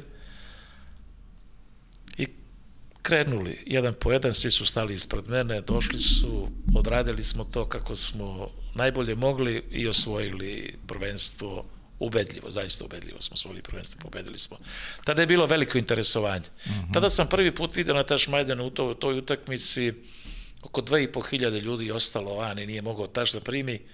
Video sam konjicu, recimo, policija sa konjicom rasarivala je narod, želeli su da polome stakla na Tašmajdanu, jednostavno ostale 2500 ljudi. Iz Partizana beše bilo final. Partizan, Crvena zvezda, veliki derbi, sankcije, ali narod željan, željan utakmica, željan sporta, na, na Valije je bio, Mm. Nije se moglo doći do karte, kaže da su karte bile, ne znam, po par stotina maraka je bila karta, da se uđu unutra, plate su bile 10 maraka tamo. Da, da. Jednostavno nije se moglo ući, nije se moglo ući na bazen. Veliko interesovanje, ogromno interesovanje je bilo, tako da na svu sreću, eto, to je moja neka prva titula kao, kao titula kao trenerska. Kasnije su se izrežale dobre titule, jake titule sa mladom reprezentacijom, gde smo i nekoliko puta postali prvaci Evrope. E da, to se teo da kažem sada, bili ste na, na evropskom prvenstvu, ste bili dva puta zlatni, na svetskom prvenstvu ste bili treći 99. godine, znači imali ste jedan kontinuitet posle te, da kažem, klubske karijere, vi ste preuzeli sve mlađe selekcije uh, naše zemlje i imali ste vrlo lepe rezultate sa, sa tim mladim momcima. Pa ajde možda eto da da se ovaj podsjetite malo tih. tih Jeste, naravno. Imali smo dobre, dobre rezultate, prezadovoljan sam sa tim rezultatima mm -hmm. i naravno sa igračima koji su u to vreme uh, bili na, na mom spisku. Mi smo na prvom prvenstvu Europe koje sam ja vodio uh, 98. godine u Bratislavi osvojili zlatnu medalju, 2000. godine isto tako u Lunenu u Njemačkoj osvojili zlatnu medalju na dosta teškim terenima, sa dosta jakim protivnicima i ubedljivo smo osvojili, ubedljivo smo osvojili ta, ta prvenstva. Odlična generacija, odličnih igrača, dobrih pomaka, kasnije su postali ti igrači svi skoro uh -huh. e, igrači A reprezentacije na, na čelu sa sadašnjim ministrom Vanjem Udovičićem i da ne nabrajam. Uh -huh. Odlični igrači su bili. Uh -huh. Bili su poslužni, vredni, radni. Mislim da tada smo mogli da budemo i prvaci sveta u Kuvajtu, ali smo postali, ostali bez pet najboljih igrača koji su otišli na, na prvenstvo Evrope u Firenci na svjetski kup sa A selekcijom, tako da smo mi bili dosta Da, 99 u Firenci. Da. 99. da, bili su, tako da mogli smo biti lagano, ali nikada se mi nismo opredeviljavali, zato e, moramo po svojim svim uslovima da budemo nekakvi prvaci Evrope u mlađim selekcijama i prvaci sveta u mlađim selekcijama. To nam nikada nije bio primat. Bilo je zaista stvaranje igrača. I mi smo na to i radili. Nikada nismo, i to su bili moji uslovi, pošto sam bio selektor za sve selekcije, I sa svim trenerima kada sam imao razgovore, rekao sam morate da uzimate najbolje igrače, a najbolje, najperspektivnije igrače, a ne najbolje u datom trenutku. Uh mhm. -huh. Znači, ako vidite da je neko perspektivan, pa je da i mlađi da dve, tri godine, vi ćete ga staviti u sastav, jer on će imati nego neko koji će sad odigrati prvenstvo Evrope za dve godine, neće ga biti nigde, ni, ni u klubskom vaterpolu. Ga neće uh mhm. -huh. biti. Tako da smo imali tu strategiju, imali smo tu strategiju da se pozivaju uvijek naj, najbolji, bez obzira koliko, koliko godina imaju. Uh -hmm. I zaista su posle izlazili ti sjajni igrači, jer su prošli kroz, kroz mlađe selekcije svu obuku i obučeni su dolazili u ruke Nikole Stamenića, tada kasnije kod drugog selektora. Mm -hmm. E sad ono što je meni interesantno, od 2012. do 2014. selektor ste, sa, selektor ste Saudijske Arabije. Kako ste se adaptirali na život tamo? Kakav je vaterpolo u Saudijskoj Arabiji? Ja sam bio selektor od 2000 prve godine do 2006. pa posle prekid, pa opet skoro 10 godina sam mm -hmm. bio. Tada sam bio, kada, kada me pozvao taj tadašnji predsjednik, to je bio princ uh, Al Saud, uh, princ uh, je bio predsjednik Vaterpolo Saveza Saudijske Arabije, jedan dan zvoni mi u Zvezdi telefon, generalni sekretar njihovog savjeza kaže hoće naš predsjednik da razgovara sa njima, jer tada je E, I sada postoji Fina News, e, jedan e, jedan jedne novine koje proglašavaju svake godine ko je najbolji trener seniora, ko je trener budućnosti. Ja sam dva puta za redom u Fina Newsu proglašavam za najperspektivnije trenera na svetu. I on je to, pošto dobija, taj časopis dobija kod njihovu federaciju, u, u njihovoj kancelariji, uzeo i prelistavo I onda je došao najperspektivniji trener budućnosti, Milorad Krivokapić, osvojili tu i tu zlatnu medalju na prvenstvu Evrope i on kaže, pozovite mi ovoga i kasnije mi to kaže, i njega mi dobete u federaciju. I tako je. Pozvao princ i ja nisam želio odmah uopšte da, da dolazi, imao sam neke svoje druga razmišljanja, ali on bio toliko uporan da sam onda, ja rekao je, ako hoćete tako da morate, morate prihvatiti mog trenera koji će da ide sa mnom, sa koji radi sa mnom 20 godina, morate to, to, to i to. Na kraju se prihvatio, na kraju, posle šest meseci našeg razgovora smo se dogovorili, ja sam otišao u Saudijsku Arabiju i tamo smo malte od ničega stvorili stvorili mnogo. Od ničega smo stvorili mnogo. Tamo se za taj sport uopšte nije znalo. Niko nije znao, nikada taj sport nije bio na televiziju, to je specifičan sport za njihove, e, za njihove uslove, tako da sam morao da probijem da utakmice se snimaju na televiziji, kako se snimaju, kako se režiraju, sve smo ih učili, kako će igrači da budu badermantilima, e, sa laktovima zatvorenim, sa, da se ne gledaju kupaćim gacicama goli, da se snimaju samo publika i, i bazen. I uspeli smo da naučimo i te stvari. Posle, bilo je na bazenu, na finalu utakmice po 7000 ljudi i ostajalo je van, van što nije moglo da uđe par hiljada ljudi a gde nikada niko nije došao na bazen i nije bilo publike nikada, niti su znali za taj, za taj sport. Eto, do toga, do toga smo go doveli. Da je dolazilo 7000 ljudi na bazenu, rekli su šta je ovo. Zvali su ljudi, obični e, građani, zvali su federaciju, kad se ovaj sport, kad ste ovo napravili, kad je ovo krenulo. To je tamo postalo dugo, ali je bilo zatvoreno. Niko to nije mhm. video, nije se to gledalo, nije se to reklamiralo, jer su zaista tamo drugi uslovi nego što su u drugim zemljama sveta, ali smo sve uspeli, sve po propisima, sve po propisima, poštujući njihovu veru, poštujući sve, mi smo doveli do toga da smo napravili vaterpolo to zemlje, da sam uspeo čak da obezbedne da svaki klub ima pravo da dovede dva stranca, pa smo puno naših ljudi doveli iz Crne Gore, iz Srbije, iz regiona, tamo da igraju i uzeli su lepe, lepe, lepe pare, tamo i zaradili za svoju porodicu, tako da smo mi to omogućili, doveli naše trenere, doveli naše trenere koji obučavaju njihovu decu, tako da smo od jednog sporta koji je bio totalno uh, tamo nije, nije, nije ga niko video, dobro je toga da se on gleda na televiziji i da se utakmice prenose. -huh. Zaista je odlično jedan, jedan. Drago mi je bilo kada sam se vratio posle toliko dugo godina da sam ostavio tamo puno prijatelja i ostavio sam taj sport da živi, on živi i danas. Pa i to što, što ste rekli, otvorili ste vrata, ja znam mnoge koji su, koji su bili u Saudijskoj Arabiji i sveta vaterpola. A kako, kako ste se navikli na život? Kako ste se adaptirali na život? Drugačije? Pa tu, tu ste morali da imate dobre prijatelje koje će vam preporučiti kako da ponašate se gde da živite i šta da radite. Uh mhm. -huh. Moj uslov je uvek bio da živim u compoundu, tamo gde žive stranci. Uh mhm. -huh to ste tamo zaštićeni, ste ogroman zid, bodljikava žica, tenkovi su okolo i tako dalje, čuvaju vas, a unutra živite normalno kao što živite u Evropi. Uh mhm. -huh. I ja sam živio u jednoj prelepoj vili, bazen ispred kuće, restorani italijanski, sve normalno unutra, e kad izađete vani, tamo je sasvim druga situacija, tamo se poštuje Sve naravno poštuje se i unutra i morate poštovati, došli ste u tuđu zemlju, morate Tako poštovati sve zakone, pravila, sve koja važe i zaista sam stekao puno prijatelja tamo i dan danas se redovno čujem sa njima i sjećamo se na te lepe dane. Uh mhm. -huh. E sad dolazimo na 2014. godinu. Novo poglavlje u, u vašoj karijeri i vašem životu. Postajete predsednik Vatrepolo Saveza Srbije u periodu kada je reprezentacija negdje na vrhuncu kao predsednik ste doživjeli zaista mnogo lepih trenutaka, verujem da je Rio bio kruna svega.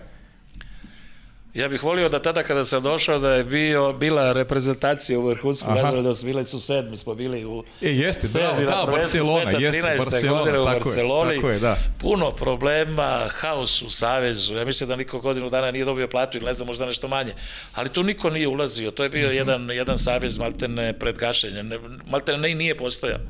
A nije niko ni, ni želio nešto puno da, se, da, da, da uđe unutra, da se bori, jer su bili, znali su svi da su enormno veliki dugovi. Mm -hmm. Dugovi igračima još od Pekinga, od 2008. godine, znate, to je 14.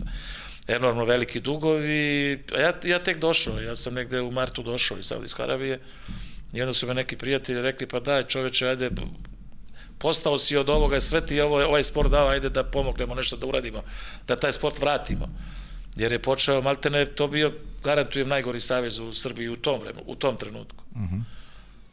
I ajde, rekao, ok, neki prijatelji, tako smo se dogovorili, ajde da, da pomognemo, da uradimo, da pokušamo nešto da uradimo. Od prvog dana smo krenuli da dovodimo stvari na svoje mesto, obavio sastanak sa selektorom Dejanom Savićem, rekao mu šta su njegovi zadati, da se ne opterećuje sa stvarima koji nisu u njegovom domenu, da će to biti zaduženi drugi ljudi, postavio sam stvari na svoje mesto, svaki imao svoj zadatak, odgovarao lično meni. Selektor je odgovarao za rad stručnog štaba, selektor Vujasinović za rad mlađih selekcija, ovaj stručni savjet za svoje, direktor i generalni sekretari za svoje zakonitost rada, generalni sekretar Saveza, Tako da smo to sve postavili na svoje i krenuli da radimo, krenuli marljivo da radimo, krenuli smo da jurimo novac, da molimo ljude, radne organizacije, da nam pomažu. I na sreću, već na prvom takmičenju smo ostvarali jedan fenomenalni uspeh. U hramu Vaterpola Mađarsko na Marget Sigotu, pred oko 8 do 10 hiljada ljudi, mi smo osvojili zlatnu evropsku medalju, gde smo u finalu pobedili Mađarsku izuzetno jaku reprezentaciju, čak sa pet golova razlike. To nam je dalo vetar u leđa da krenemo dalje. Radili smo pripreme onda za svetsko prvenstvo, za svetsko prvenstvo, naravno nezadovoljstvo mnogo igrača što još uvek ne uspevamo da vratimo pare e, koje, koje igrači zaslužuju i sa pravom mhm. traže, ali nismo mi banka došli pa da, da izvučemo toliko para da bi mogli da, dati to sve nam. Funkcioniše savez normalno, plate se u savezu primaju na vreme, igrači, sve što su poželjeli što se tiče priprema, selektorovi, svi selektori, svi programi ispunjeni u potpunosti. Onda su imali jedan mali nesporazum pre svetsko prvenstvo u, u Rusiju, gde su igrači rekli da tog i tog datuma da se moraju vratiti sve pare, inače oni neće igrati za reprezentaciju. Malo uslovljenje je jedno dosta teško. Mogli smo tada da radimo na više načina, da se podnese ostavka i da maltene nemamo izgubljeno i to prvenstvo sveta. Ja sam se odlučio na neki drugi, drugi, drugi način razgovora sa, sa igračima i sa drugom pričom, rekao sam selektoru, pošto se išlo u Ameriku na pripreme, da ima 15 dana da se dogovori sa igračima ko želi da igra za našu reprezentaciju, za našu državu. izdrža, za reprezentaciju se igra ne po naređenju, nego zato što je volite i zato što volite svoju zemlju i zato se i nastupa. A preko reprezentacije se naravno i pravi ugovori za strane, sa strane klubove. I rekao sam momcima za dve nedelje da, da se opredele, a da za Ameriku još 15 igrača vizira, tako da ko ne želi da igra za reprezentaciju, to mora odmah da kaže. Ali mora da zna, ko ne bude igrao ovo prvenstvo sveta, neće igrati ni iduće olimpijske igre. I takav jedan stav je doveo do toga da su svi odlučili, naravno, da povlače taj deo, da do prvoga moramo isplatiti sve od Pekinga pa dalje. Mi smo otišli to prvenstvo sveta i ubedljivo pobedili. I postali smo prvaci sveta u Kazanju u Rusiji te 15. godine. I tada dolaze te uh -huh. olimpijske igre, gde veličanstveno pobeđujemo sve, imamo dosta problema u igranju u grupi, ali veličanstveno pobeđujemo i u polufinalu i finalu. Sjajni rezultati i te godine, nešto što je nezamislivo do tada za ikog u svetu, Srbija postaje nosioc zlatnih medalja svih takmičenja koji postoje u svetu. Znači, prvaci Evrope, omladinski, juniorski i seniorski. Prvaci sveta, olimpijski pobjednici, prvaci svetske lige, prvaci svetskog kupa i juniorski prvaci sveta. Sve je to Srbija ostvarila. 2016. U tako kratkom vremenu. Znači, od 2014. 15. 16. 16. godine Srbija je držala sve zlatne medalje na svih takmičenjima koje postoji u svetu. Znači, ne samo u seniorskoj konkurenciji, nego i u juniorskoj konkurenciji. U omladinskim i u juniorskim konkurencijama. Srbija je držala, tako rekao sam, jednom sam to i rekao, nismo dozvolili nikome da se čuje niti jedna firma na nekom takmičenju osim naše svete himne Bože brate. I mi smo je stalno slušali i tako je bilo 2016. godine, samo se ta himna čula i držali smo sve zlatne medalje u tom mislim da to nije nikada niko uspio, a mi smo uspjeli i za jedno kratko vreme od uh, najgoreg saveza u Srbiji, odgovorno to tvrdim, smo uspjeli da je Vatrpolov savez postao daleko najbolji i najtrofejniji savez u našoj državi. Uh mhm. -huh.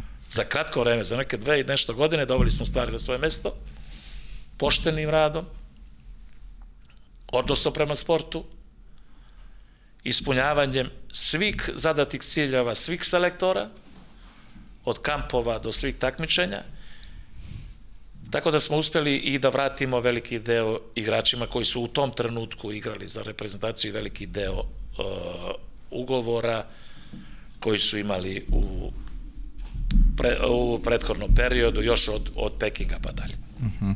A kažete mi, da li je rukovodđenje Savezom bio i najteži posao koji ste Jeste. obavljali do sada? Koliko je bilo teško upravljati organizacijom? Siguran sam da je bilo... Najteže, najteže. To mi je najteže posla, verujte mi, najteže posla koji se radi u životu je uh -huh. raditi, raditi sa ljudima koji su neki dobro namjerni, a neki nisu dobro namjerni, znate. Uh -huh. Ne sa tim sjajnim momcima. Ja sam stalno govorio. Najjači brend u Srbiji su vaterpolisti, i Novak Đoković. Jer u tom vreme smo bili mi i oni bez premca. Naravno, ne omalažavajući ni košarkaše i obojkaše i tako dalje, ali mi smo u tom trenutku bili bez premca. To je najjači brend Srbije bio vaterpolo, sport i, i Novak Đoković. I dugo smo tako obstajali.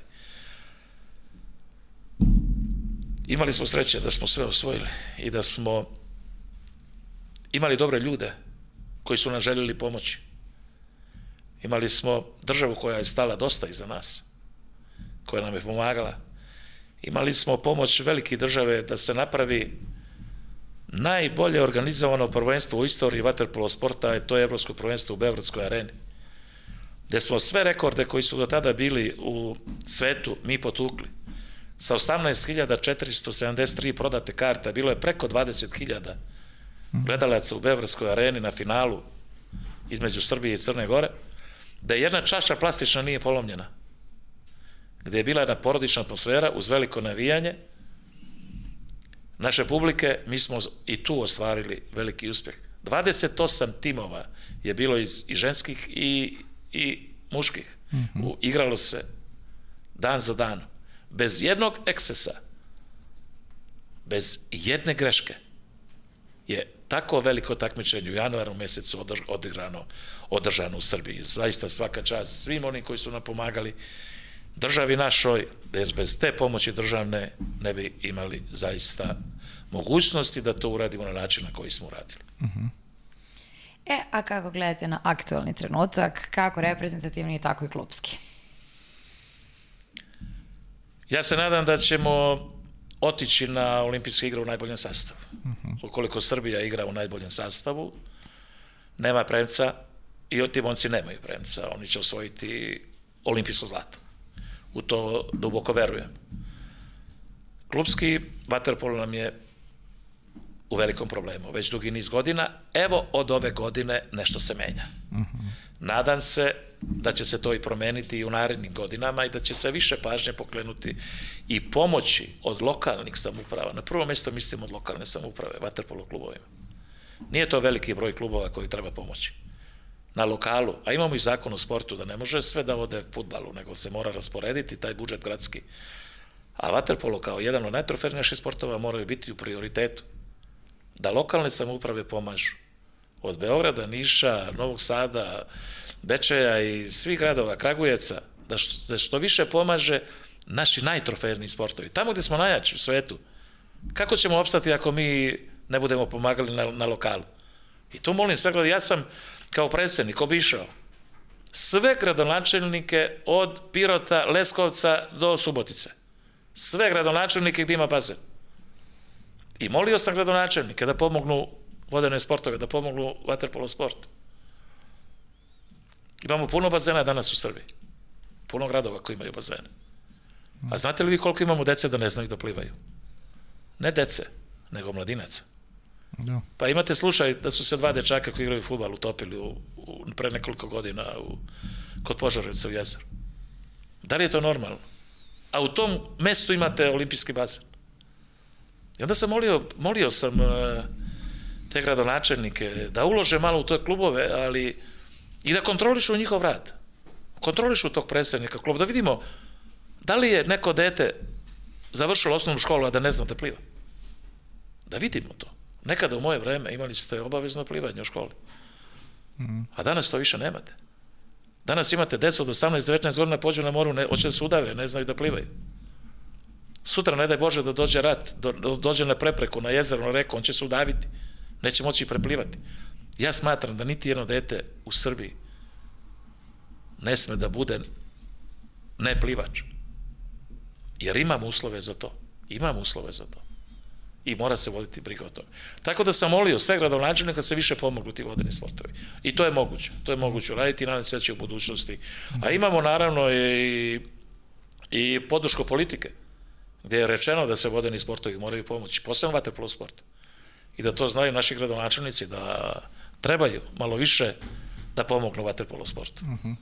Do, i treba pomogne, eto, vi ste imali, vi imate primjer da jedan poluplivač mogu da bude u reprezentaciji, pa neka Jeste, ljudi... ali taj poluplivač nije mogao da, da potone, znate, ne bi se udavio. A današnji, a današnji poluplivači će se udaviti, ovi koji ne znaju, znate. Ja, mene, ja ne mogu da zamisliti da neko dete završi osnovnu školu da ne zna da pliva. Zaista mi je to... Slažem se, naravno. Nemoguće. Stvar, stvar, stvar kulture. Pa naravno. naravno. naravno. E, kažete mi, niste osvojili jednu medalju na evropskim prvenstvima. Eto, u klubskoj, u klubskoj je nedostajala titula prvaka Evrope. Ima li žal za, za, za, za eto, ta dva trofeja koje su, koje su nekako pa jeste, Pa ima žal, naravno. Ali sam osvojio dosta ovih drugih, tako da i ne znam gde bi se nalazio sada te medalje. Da.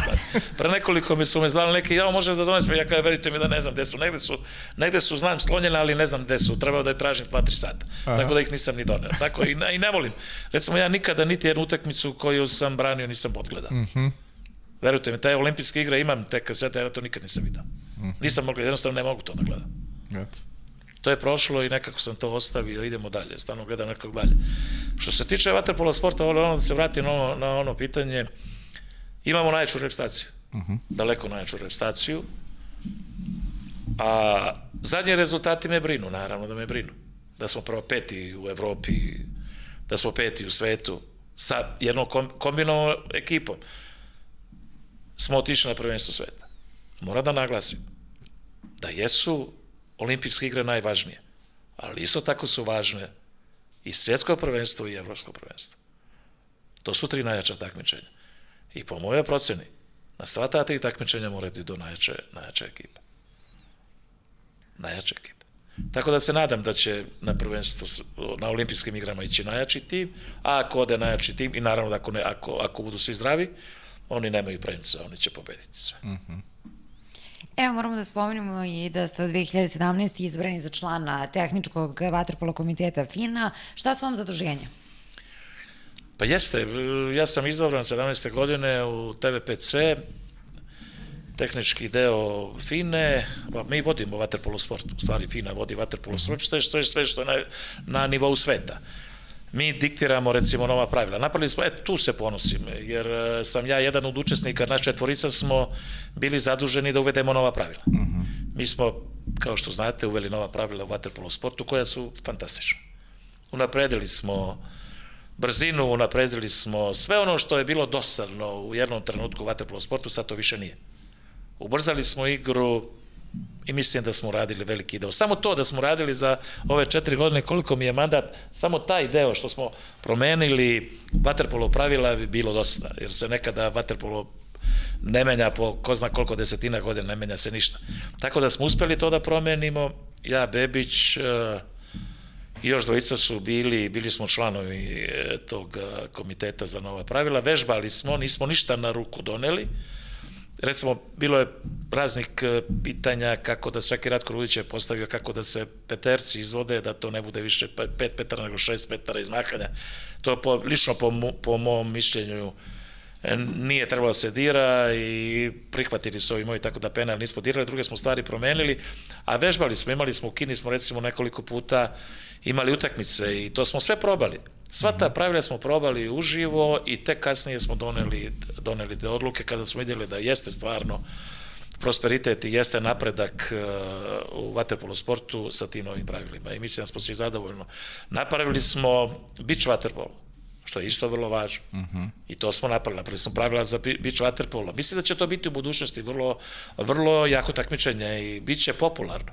Da. Jer će se moći igrati u Beogradu, možda će, daj Bože, biti možda 20 klubova. Igraće se na reci, na jezerima, na Adici Gali. Znate, to će biti izuzetno popularno. Izuzetno, beach waterpolo će biti izuzetno popularno. Vidjet ćete, da. vrlo brzo. Znam da ima već nekih aktivnosti. Već ima, ima, kako imaće, sad će se praviti savez, ima već klubova. Da, da. Bez dosete toga radi. Uh mhm. -huh. biće, biće to izuzetno popularan sport. Vrlo ste aktivni, rekli ste nam pre početka, pa ajde još, još malo pa da pređemo na pitanje gledalaca, da imamo ih. E, još malo pa, pa penzija, koliko su vam još, još zaduženja u, u suštini, u stvari da li penzija znači i definitivno odmor od vaterpola ili planirate ne, neke pa druge ko je, ko je s ovim virusom zaražen, ne može pobeći od vaterpola. da. ne može. Ja sam tu 50 i nešto godina. I ne možete, do kraja života ćete morati tu biti. Kako, u, u, u kakvom stanju, šta ćete raditi, to je mhm. nešto drugo. Ali morate biti agilni, morate tu nešto pripomagati. Svako, mene je još mandat godinu dana, vidjet ćemo šta će se desiti posle tih godinu dana šta će se, šta će se uraditi. U svakom slučaju ove godine imamo takmičenje olimpijske igre, iduće godine prvenstvo sveta i onda idu uh, ide kongres, idu biranja i tako dalje. Dobro. E, mi sad imamo, ja sam sad uzela telefon, mi smo dobili toliko pitanja gledalaca i toliko ste dobili pozdrava i hvalospeva. Evo da krenemo da redom. Uh, samo sekund. A, kada se okrenete iza sebe i pogledate osvojene medalje iz svoje arhive, šta vam prvo prođe kroz glavu i kakve emocije se bude u vama?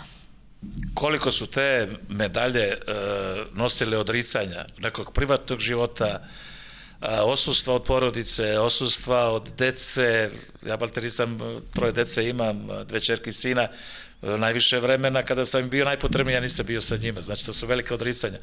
Naravno i života, nekog slobodnog života, mi smo imali trening ujutro, trening na večer, nije bilo, i, nije bilo izlaza kao svim nekada u mladosti sa Cigo Sekulićem i Jovanovićem i Zoranom Milovićem kada smo malo uspeli da pobegnemo na par sati, ne puno, ne puno. Znate, tako da je to to. Uh -huh. e, da li vam i dalje životni sportski moto sport bez škole ne ide, kao ni škola bez sporta, idu udruženi pa potom se sagleda šta će se u životu raditi? Naravno, ništa bez škole. Uh -huh. Tako sam i svog sina, isto tako koji je sada već student, student medicine, isto je trenirao vaterpolo, ali sada medicina i vaterpolo, to može da ide sada malo rekreativnim putem, ne onim profesionalnim. E, ne može da ide toliko, da, nisam zato bio nikada da se zapostavi fakultet u odnosu na ovo. Mora da, na prvom mestu sam uvijek bio da se završi fakultet, a pored fakulteta da bude i sport. Danas sport e, donosi nešto novo da I može se uklopiti jedno i drugo. Može se uklopiti. Ima danas fakulteta koji su i mogu polagati u nekim drugim rokovima, izlazi se u sustre sportistima, mogu birati rokove kada će da, da posebno vrhunski sportisti kada će da, da, da, da polažu ispite. A što se tiče još jedne stvari gde sam učestvovao u formiranju uh, sportske gimnazije. To je jedna velika, velika stvar koju smo radili davno, 11, 11. bila je sportska gimnastika u 11. U 11. gore, e, danas sam i član e, e, tog odbora u 11. u sportskoj gimnaziji i to je velika stvar za naše sportiste.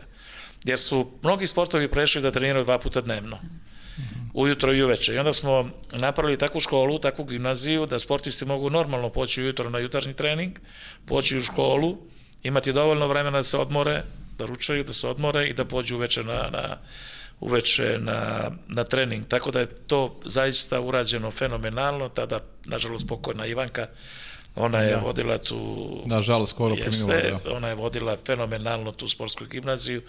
Mi smo bili u tom, u tom trenutku vrlo bitna karika da joj se dozvoli da ta njena ideja prođe i sjećam se da sam tada ja išao kod ministra, bio tada ministar Todorović, 90. godina da uspemo da ostvorujemo, uspeli smo i ta škola i danas živi i stvara odlične sportiste. Mm -hmm. Ja, kad smo već izvinje, pa oko škole, a, kaže, imali ste plan da svoj krug igrača i trenera zatvorite tamo gde ste počeli u Bijeloj, tako što ćete napraviti sportski centar sa zimskim bazenom, akademiju, jer baš iz tog malog mesta potiče mnogo vrhunskih igrača, dokle se stiglo sa tom idejom? E, moj kum je bio direktor velikog, jednog, jedne velike firme, brodogradilište Bijela, Adriatic Shipping, e, izuzetno moćno brodogradilište i tada je, sam otišao dolje da pomognem e, da od tog jednog malog kluba, a koji je toliko zadužio vaterpolo jugoslovenski, da je to zaista nemora, e, nenormalno. Toliko igrača je stvorio što klubskih, što reprezentativnih, da je taj, e, to mesto zaslužilo da se napravi neki, neki bazen. Išli smo, odmerili smo sve bili gde će se praviti taj zimski bazen, imamo prelepu školu, uh, u Bijeloj na jednom terenu. Bili smo maltene sve nacrtali, ali desi se što se desilo, brodogradilište se zatvorilo, nestala su financije, inače da je brodalište počelo da radi, ostalo da radi, mislim da bi se to i ostvarilo. E, sada jedino da se ide na vladu, pa da vlada pokuša nešto da uradi, a što se tiče firme brodogradilišta i, i te odlične ideje, nažalost, to je propalo. Uh mhm. -huh. e, pozdravljava Sandi Mertelj, bivši reprezentativac Slovenije, Kaže, čestitke gostu, znam ga kao trener Magic kategorija, bio odlično u bazenu i kaže, super je što takvi ljudi e, su ostali u Waterpolu. E, pitanje, prvo pitanje, kaže, koje su najveće razlike između Waterpola pre 10-20 godina i sada i šta bi, šta bi promenio? Mada smo manje više pričali o tim promenama pa koje jeste, Pa ne, daš, dalo se na brzini. Uh mhm. -huh. Danas ako niste brz, eksplozivan, vi nemate šta da tražite u Waterpolu, znate.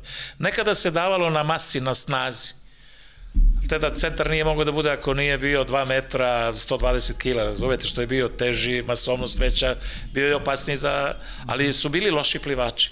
Sada je vreme ograničeno. Sada je vreme posebno kada dobijete je na 20 sekundi iz odbijene lopte posle kornera. Šta vi možete za 20 sekundi sa nekima koji je trom, koji nije brz?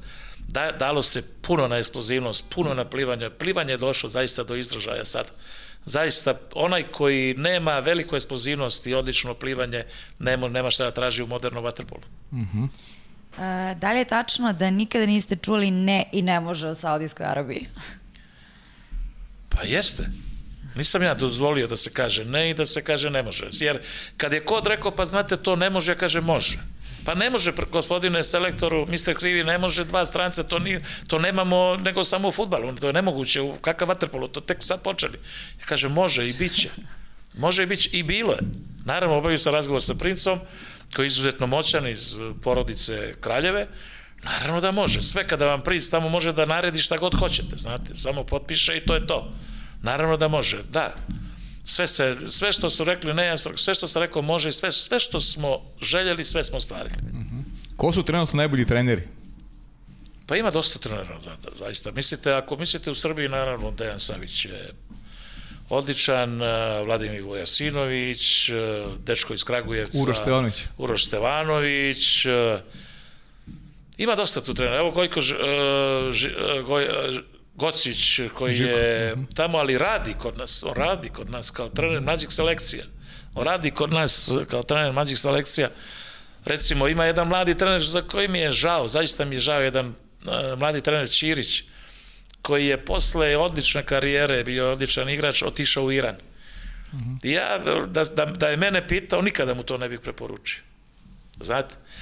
Jer ako želite da postanete trener, vi morate ovde početi da radite u svojoj zemlji, da tu postanete i da tu naučite i da tu postanete. Ako vi odete u takve zemlje kao što je Saudijska Arabija, kao što je Iran, kao što je Egipat, vi ste van očiju sveta. Niko vas ne vidi kako radite, koje imate sportske rezultate i zaista mi je žao što je se on odlučio na taj deo. Zašto se odlučio, ne znam. A mislim da je trebao da ostane ovde da radi u, u Waterpolo Savezu kao trener od nekih reprezentacija i tako da se nadgrađuje i da dođe do, do nekog jakog tima u Evropi i tako dalje i da tako ta velika igračka imena koja su bila, uvek bih svakom bih to toplo preporučio. Znači, kada prestajete da igrate, ostanite ko svoje kuće, postanite trener, da li će to biti za godinu, dve, tri, nije uopšte važno, imate strpljenja, mladi ste.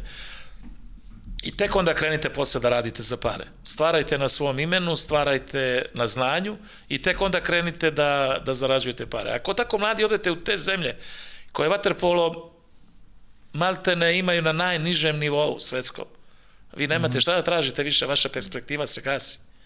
I zato mi je žao da tako, tako mladi treneri ne staju i mislim da treba svi da se vrate, ti naši treneri da se vrate, da postoju i da preuzimaju velike evropske reprezentacije, uh -huh. evropske reprezentacije i evropske klubove. Uh -huh. A, kako gledate na to gde se danas Rusi nalaze i šta mislite da je uzrok što više nisu među dominantnim reprezentacijama? A, Rusi su imali odličnu školu i oni su imali odličnu školu, ali nestankom Sovjetskog saveza tamo su došle druge stvari u prioritet. Ti veliki njihovi igrači su nestali iz vaterpolo sporta. Ostao je samo taj golman Šaranov, ovi drugi su svi nestali. Svi su počeli sa pravi biznisom. Ne. Sada su svi ti veliki njihovi igrači, uvoznici ovog, da kaže onaj milioner, onaj milijarder. Više ne znate ko šta radi, sa kakvim biznisom se radi. Ili rade po Evropi. Biznis sa Rusijom. I Rusija se naglo otvorila i onda sva ta velika imena Ruska su nestala iz vaterpolo sporta. Okrenuli su se o biznisu, okrenuli su se stvaranju, stvaranju boljih uslova za, za život i za njihove familije, naravno. Tako da tamo nemamo trenera. Bili su neki naši treneri tamo ne, na kratko nemamo, bio i Dejan Savić i Porobić i tako, ali ih nema već dugo, nemamo već dugo naših trenera tamo. Tako veliki je broj, tren, veliki je e, problem trenerskog kadra, a veliki broj e, dece. Oni nemaju puno klubova, oni su zatvorili mnogo klubova, nemaju puno klubova, tako da ćemo čekati još dosta. Mada su, sada sam bio u Rotterdamu na ovom turniru za kvalifikacije za olimpijske igre, odigrali su za Hrvatsku, sa Hrvatskom izuzetno dobro, izgubili su nesretno. Inače su po kvalitetu igre na tu utakmici zaslužili da pobijede i da oni igraju olimpijske igre, a Hrvati da ispadnu. Jer su Hrvati trebali da ispadnu. E, Rusi su imali penal za odlazak i Rus promaši taj penal, kasnije su promašili i Hrvati su tako pošli, na penale su mhm. pošli, da, da. U, a bili su pred, pred neodlaskom na olimpijske igre, što bi za Hrvatsku bilo strašno. Uh mhm. -huh. Ko igrač imao najneugodniji šut?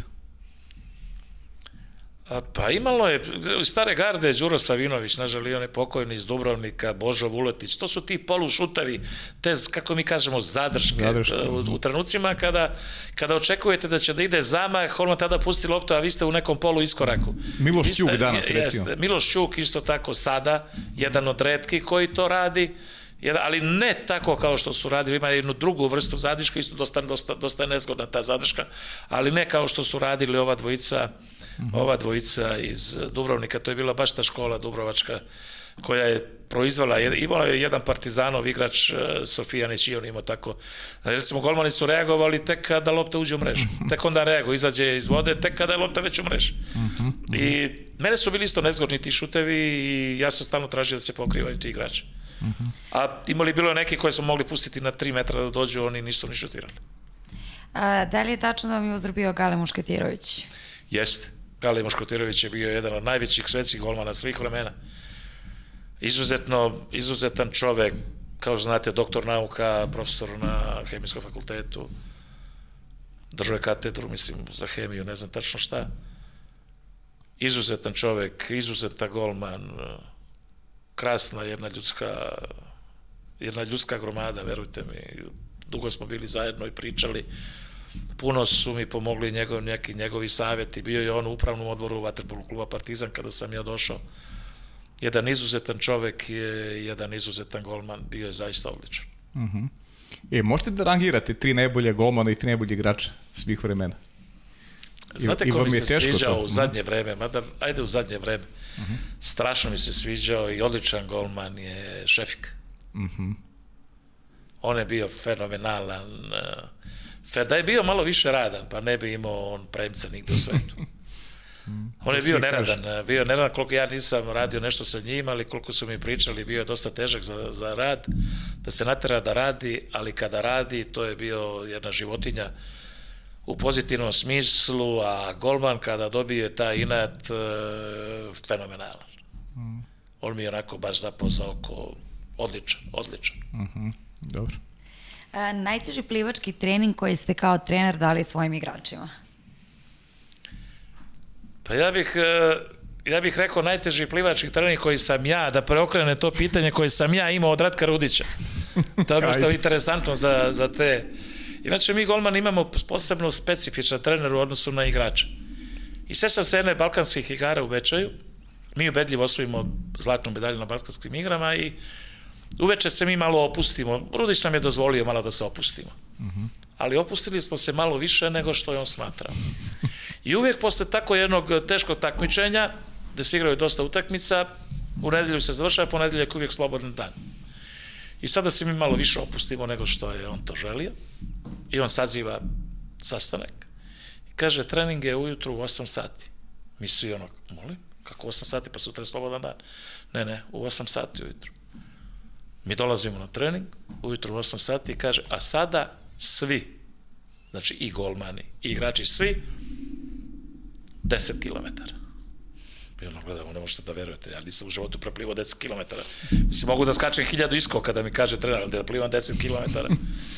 Nema pogovora, mora trener, trenera je poslednja i moramo da, moramo da radimo.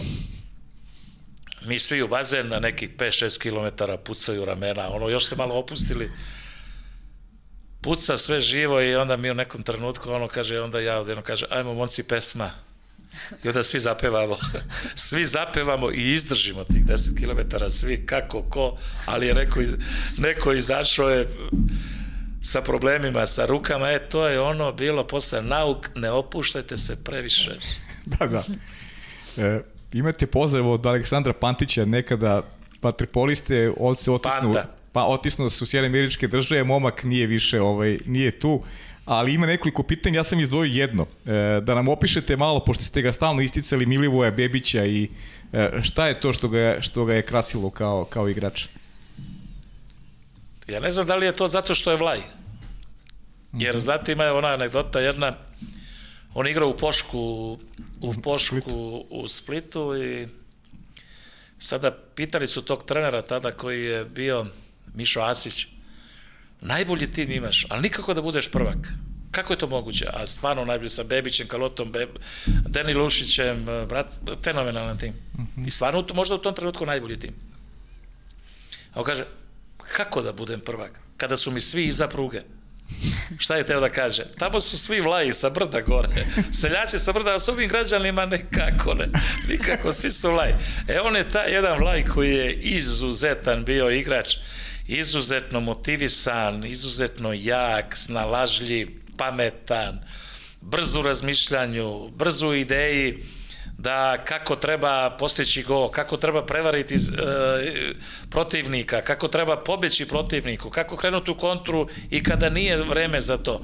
On je bio, on je bio čudo od igrača, zaista. Mm -hmm. E, Milićević Ana pita kako mišljenje ima o ženskom vaterpolu jer ga je kao predsednik Vaterpola Saveza Srbije baš podržavao. Jeste. Vaterpolo Savez je dolaskom uh, moje malenkosti na mesto predsednika uradio toliko za ženski vaterpolo da nijesmo nikada u istoriji toliko uradili. Jer sam tražio potpuno isti tretman. Bez obzira što oni nemaju nikakve rezultate, a muškarci imaju. Tražio sam isti tretman. Da ono što traži, tada sam doveo kako ima uh, muška reprezentacija selektora, doveli smo profesionalnog selektora i za žensku reprezentaciju. Kako ova ima ugovor, tako ima i taj, naravno, puno manji. Ali su imali svoga selektora. Ne klubskog trenera, nego svoga selektora. Pomagali smo i klubski rad i sve obaveze koje je trener nama naložio, mi smo sve ispunili. Od kampova, takmičenja, sve što su tražili, što se tiče ženskog vaterpola, sve su imali. Tako do, ta, do tada se nije trošilo uopšte od Saveza za ženski vaterpol. A mi smo tada već počeli da trošimo dobre pare za ženski vaterpolo i da osnivamo klubove gde se god moglo osnovati i želja nam je bila tamo gde ima žens, muški klub da tamo os, osnujemo i, i ženski klub. I imali su odličan rezultat. Moram reći da su imali na prvenstvo Evrope, tada u Beogradu su ostvarili odličan rezultat. Jer ta ekipa koja nije mogla da priđe nikome u Evropi, došla je da igra sa ekipama kao Italija i ovi koji su velike ekipe na par golova razlika, gubili su po 20-30 golova. Došli su maltene da do zadnjeg da igraju, da igraju Lila. Tako da sam prezadovoljan i kako je se ulagalo u tom vremenu i u žensku reprezentaciju. Ne znam kako je sada, nadam se da je i dalje dobro i ne sme se zanemariti ni ženski vaterpolo, mora da ima uslove maltene iste kao i muški vaterpolo. Mm. Pokreće se neki centri, evo sad skoro i Radnički Kragovac otvorio baš i, i počeli su devojčice da treniraju. Da, da, Radnički Kragujevac ima odličan bazen mm. i veliki spas za taj klub. Znate da je Radnički Kragujevac nestao, on se ugasio da, da. i osnovan je novi klub koji je pod ingerencijom grada. Mm. To je najveća stvar za taj klub. Jer kada grad uzme nešto kao svoje vlasništvo, onda je to dokaz da će to da i postoji. Takva je situacija recimo na moru. Dubrovnik finansira sve grad. Kotor, Primorac, vlasnik kluba je grad. Budva, vlasnik kluba je grad. I onda nemate šta da razmišljate da li imate toplu vodu u svom bazenu ili nemate toplu vodu, da li ćete moći poći na takmičenje, to se finansira iz budžeta grada. Jasno, jasno. I to je planirano. I zato kažem, i uvijek sam mišljenja da lokalna samuprava treba da se okrene prema vaterpolo sportovima i da oni izdržavaju najvećim delom vaterpolo klubove. Nije to problem za Novi Sad da drži jedan vaterpolo klub Vojvodina, koji grca u dugovima i nemaju nikakva, nikakva... Nije to problem, verujte mi. Mada je Novi Sad uradio veliku stvar, veliku stvar, dao je bazen, i to sam ja išao kod jednog krasnog čoveka, Vučevića, gradonačelnika, koji je dao bazen na upravljanje vaterpolo klubu i taj klub radi, ima toplu vodu i nikada neće doći u situaciju da se zatvori i da neće moći da radi. To je velika stvar, podrška lokalne samuprave za vaterpolo klubove. A, neka nam opiše svoj iskustvo koji je bio trener Zete, to smo pričali. A koji je najbrži igrač kojeg ste trenirali? Pa jedan od bržih igrača je recimo Anto Vasović. Anto mm -hmm. Vasović, on je bio izuzetno brz. Mirko Vičević, izuzetno brz. Mm To su igrači koji su igrali sa mnom i dosta su mlađi, ali koji su izuzetno brzi. Ima dosta igrača koji su brzi. Svi igrači danas koji igraju moraju biti brzi. Nema jednoga koji, ako je sport, da može da igra, da može da prati. Nema više, nema više. Čak i centri moraju biti brzi. Jer kako će doći, ograničeno mu je vreme na 30 sekundi, a on kreće iz svog, iz svog polja, treba da dođe na, na drugo polje, da stane, zauzme poziciju, sve to mora da uradi za 30 sekundi. Znači, ko je spor? I zato smo rekli šta je bilo nekada. Nekada je bilo, nije bilo ograničeno vreme. Nije bilo ograničeno vreme, nekad držao si loptu koliko ste hteli i zato su bili ti gromade od ljudi izuzetno, izuzetno bitni. Sada što si teži i što slabije plivaš, nemaš šta da tražiš u vaterpolo sportu. A najbolji igrač kojeg ste trenirali? Vladimir Vujasinović. Evo i pitanje Jelena Stojanović iz serije pitanje. Mada on je došao kao gotova, inače ja sam počeo jedan od prvih trenera, mogu reći drugi trener Aleksandar Šapić. Uh -huh. I Aleksandra Šapića sam dugo trenirao, pa je pošao sa neki 15 godina u Partizan, on je igrač dete, dete zvezde, pa je pošao u Partizan, tamo je napredovo i naravno posle u Beč. To su igrači, imalo je dosta igrača, zaista. Kaže, i, idealnom timu, vašem idealnom timu, ko bi bio uh, golman, a ko kapiten? Koji sam ja trenirao? Da. Uf, pa Vladimir Vujasinović sigurno kapiten, a šef i golman. A šef i golman. A, najpredvidljiviji protivnik dok ste igrali? Je, li ovaj italijan što ste mu odbranili peterac na mediteranskim igrama? pa on je, ha, mora, morate da pratite, onaj koji mi je najviše zada, jada zadavao, to je kampanja koji je sada selektor. Kampanja, da obrlevo sada, on mi je najviše zadavao. e pa dobro. Zavise, jer je tako jedan specifičan šut, gde vas tako navuče sa mahanjem da će da šutira dijagonalu i onda on povuče tu zadnju ruku i šutiramo bliže ugod. To je vrlo, vrlo teško bilo zapratiti. Imao je dosta nezgodan šut i bio je vrhunski igrač. A trener koji je najviše uticao na vas? Trifun Miro Čirković, to je bio najbolji trener sveta svih vremena. Mm -hmm. e. A gospodin Orlić, najveći strateg. Posle njega dolaze i Ratko Rudić, i Nikola Stamenić mm -hmm. i sve to, ali nosioc uh, uh, promena u, u vaterpolo igri 70. godina je upravo Trifun Miro Ćirković. To je trener koji je bio u Kotoru, bio je selektor repstacije, uh -huh. koji je tragično poginuo na putu za Dubrovnik, na putu gde smo ga mi čekali. Čovek koji nikad, on je bio advokat, čuveni advokat, a veliki igrač je bio i veliki trener i imali smo, imali smo trening u 12 sati u Dubrovniku, on je kasnio na trening, a nikad u životu čovek nije zakasnio na trening. Uh -huh. I vozio je tako brzo da je negde na, na Čilipima kod aerodroma strada, poginuo uh -huh. je u desu. E, da vidimo, manje više mi smo prošli Da, uh, prošli svak. Znaš šta je interesantno? Ono, Aleksandrino, velika zahvalnost Aleksandri Milošević u pripremi za emisiju vezano za reprezentaciju. Vi ste sve radili u Waterpolu, ali niste bili selektor državnog tima. Da li vam je žao što možda taj ciklus iz tih mlađih reprezentativnih selekcija što niste postali i, i, i, i selektor pa, reprezentacije? Nismo, jeste, naravno da mi je žao, ali nije se na to moglo uticati. Uh -huh. Nije to su političke odluke bile i na to se nije moglo uticati. Ja sam bio, Nikola Stamnić je bio selektor A selekcije, ja sam bio selektor mlađih, mlađih selekcija i normalno je bilo da se to smeni. Kad jedan ode, dolazi drugi. Automatski je to bilo uvijek do tada. Kad je bio Rudić, ovam selektor mladih, odlazio je selektor A, Rudić je dolazi. To je tako se pripremalo, tako se pripremalo. Ali tada se to uradilo drugčije i tako je, neka je. Dobro, da. Neka im se. Dobro. Evo pitanja, da li pratite još neki sport sada proti, pored vaterpola i za koga navijate? U, i to je teško pitanje. U Partizanu sam postao to što sam postao, u Zvezdi sam postao jedan od najboljih trenera. Dva puta proglašavam za najpredstavljenije trenera sveta i Zvezde, tako da... Volje Zvezde. ja bih ovako rekao, volim srpski sport i navijam za Srbiju. Može. A sad neki sport pored vaterpola, ili pratite ovako, futbol, košarka? Ne mislim samo Srbiju, nego... Pratim samo na televiziji. Da. I navijam samo za reprezentaciju. Dobro. Manje više smo mi odgovorili kroz cijelu emisiju jest, na sva jest. pitanja. Ono što ja volim na samom kraju je uvek da spomenem porodicu, jer smatram da je porodica najvažnija na svetu. E, imate suprugu Vesnu s kojim ste 40 godina, jest. imate troje dece. E, Krsto je trebao, želeo da bude golman na tatu, je tako? Pa jeste, on je nešto bio krenuo je da, da, ali škola, on je uvijek, nekako je bio uvijek za školu. On je uvek uh, Vukovac bio, sve petice u školi i u srednjoj i u osnovnoj i tako je upisao i, i fakultet medicinu bez ikakvih problema. Uh, u roku sve daje, evo i prve ispite na medicini su desetke i to iz dosta teži, te, teških, teških predmeta. Čerke su završile master studije i jedna i druga, rade, imaju svoj posao, zadovoljan sam naravno uh mhm. -huh. sa decom, odlični su, dobri su, čerka mi je već, postao sam i deda, ima blizace. Sjajno. čerku i sina, već dve, go, već dru, dve godine pune, tako da sam zadovoljan.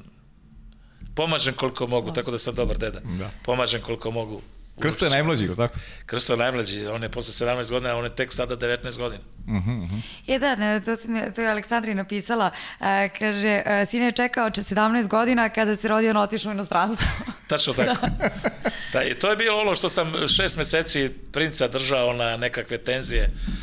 Hoću, neću, hoću, neću. Bilo je to teška odluka, znate. On tek, tek se rodio, naviko je bio na mene, ja sam tu dosta pomagao u kući, posebno u nošenju. Tako da morao sam ga ostaviti, ali šta ćete, posao je. To je ono šta se, šta, čega se sport odriče, znate puno vremena smo bili odvojeni od porodica, puno vremena od dece, deca porastuše, ali šta da radimo? Da. U svakom slučaju, kao što uvek volimo da završimo sa porodicom, pozdrav za porodicu Krivokapić. Ja ne znam da li smo vas sve pitali što smo trebali da vas pitamo. Pa ja mislim da jeste. A, ili ima nešto da što... što... Ja mislim da smo sve prošli. Ili bi dosta, da ne budemo dosadni gledalci. Do, dobro, dobro. Eto. Hvala vam puno što ste bili. Mi smo uživali prošlo ovako dva sata, verovali i ne, i više od dva sata Lepog smo razgovora. pričali. Lepog razgovora, zaista.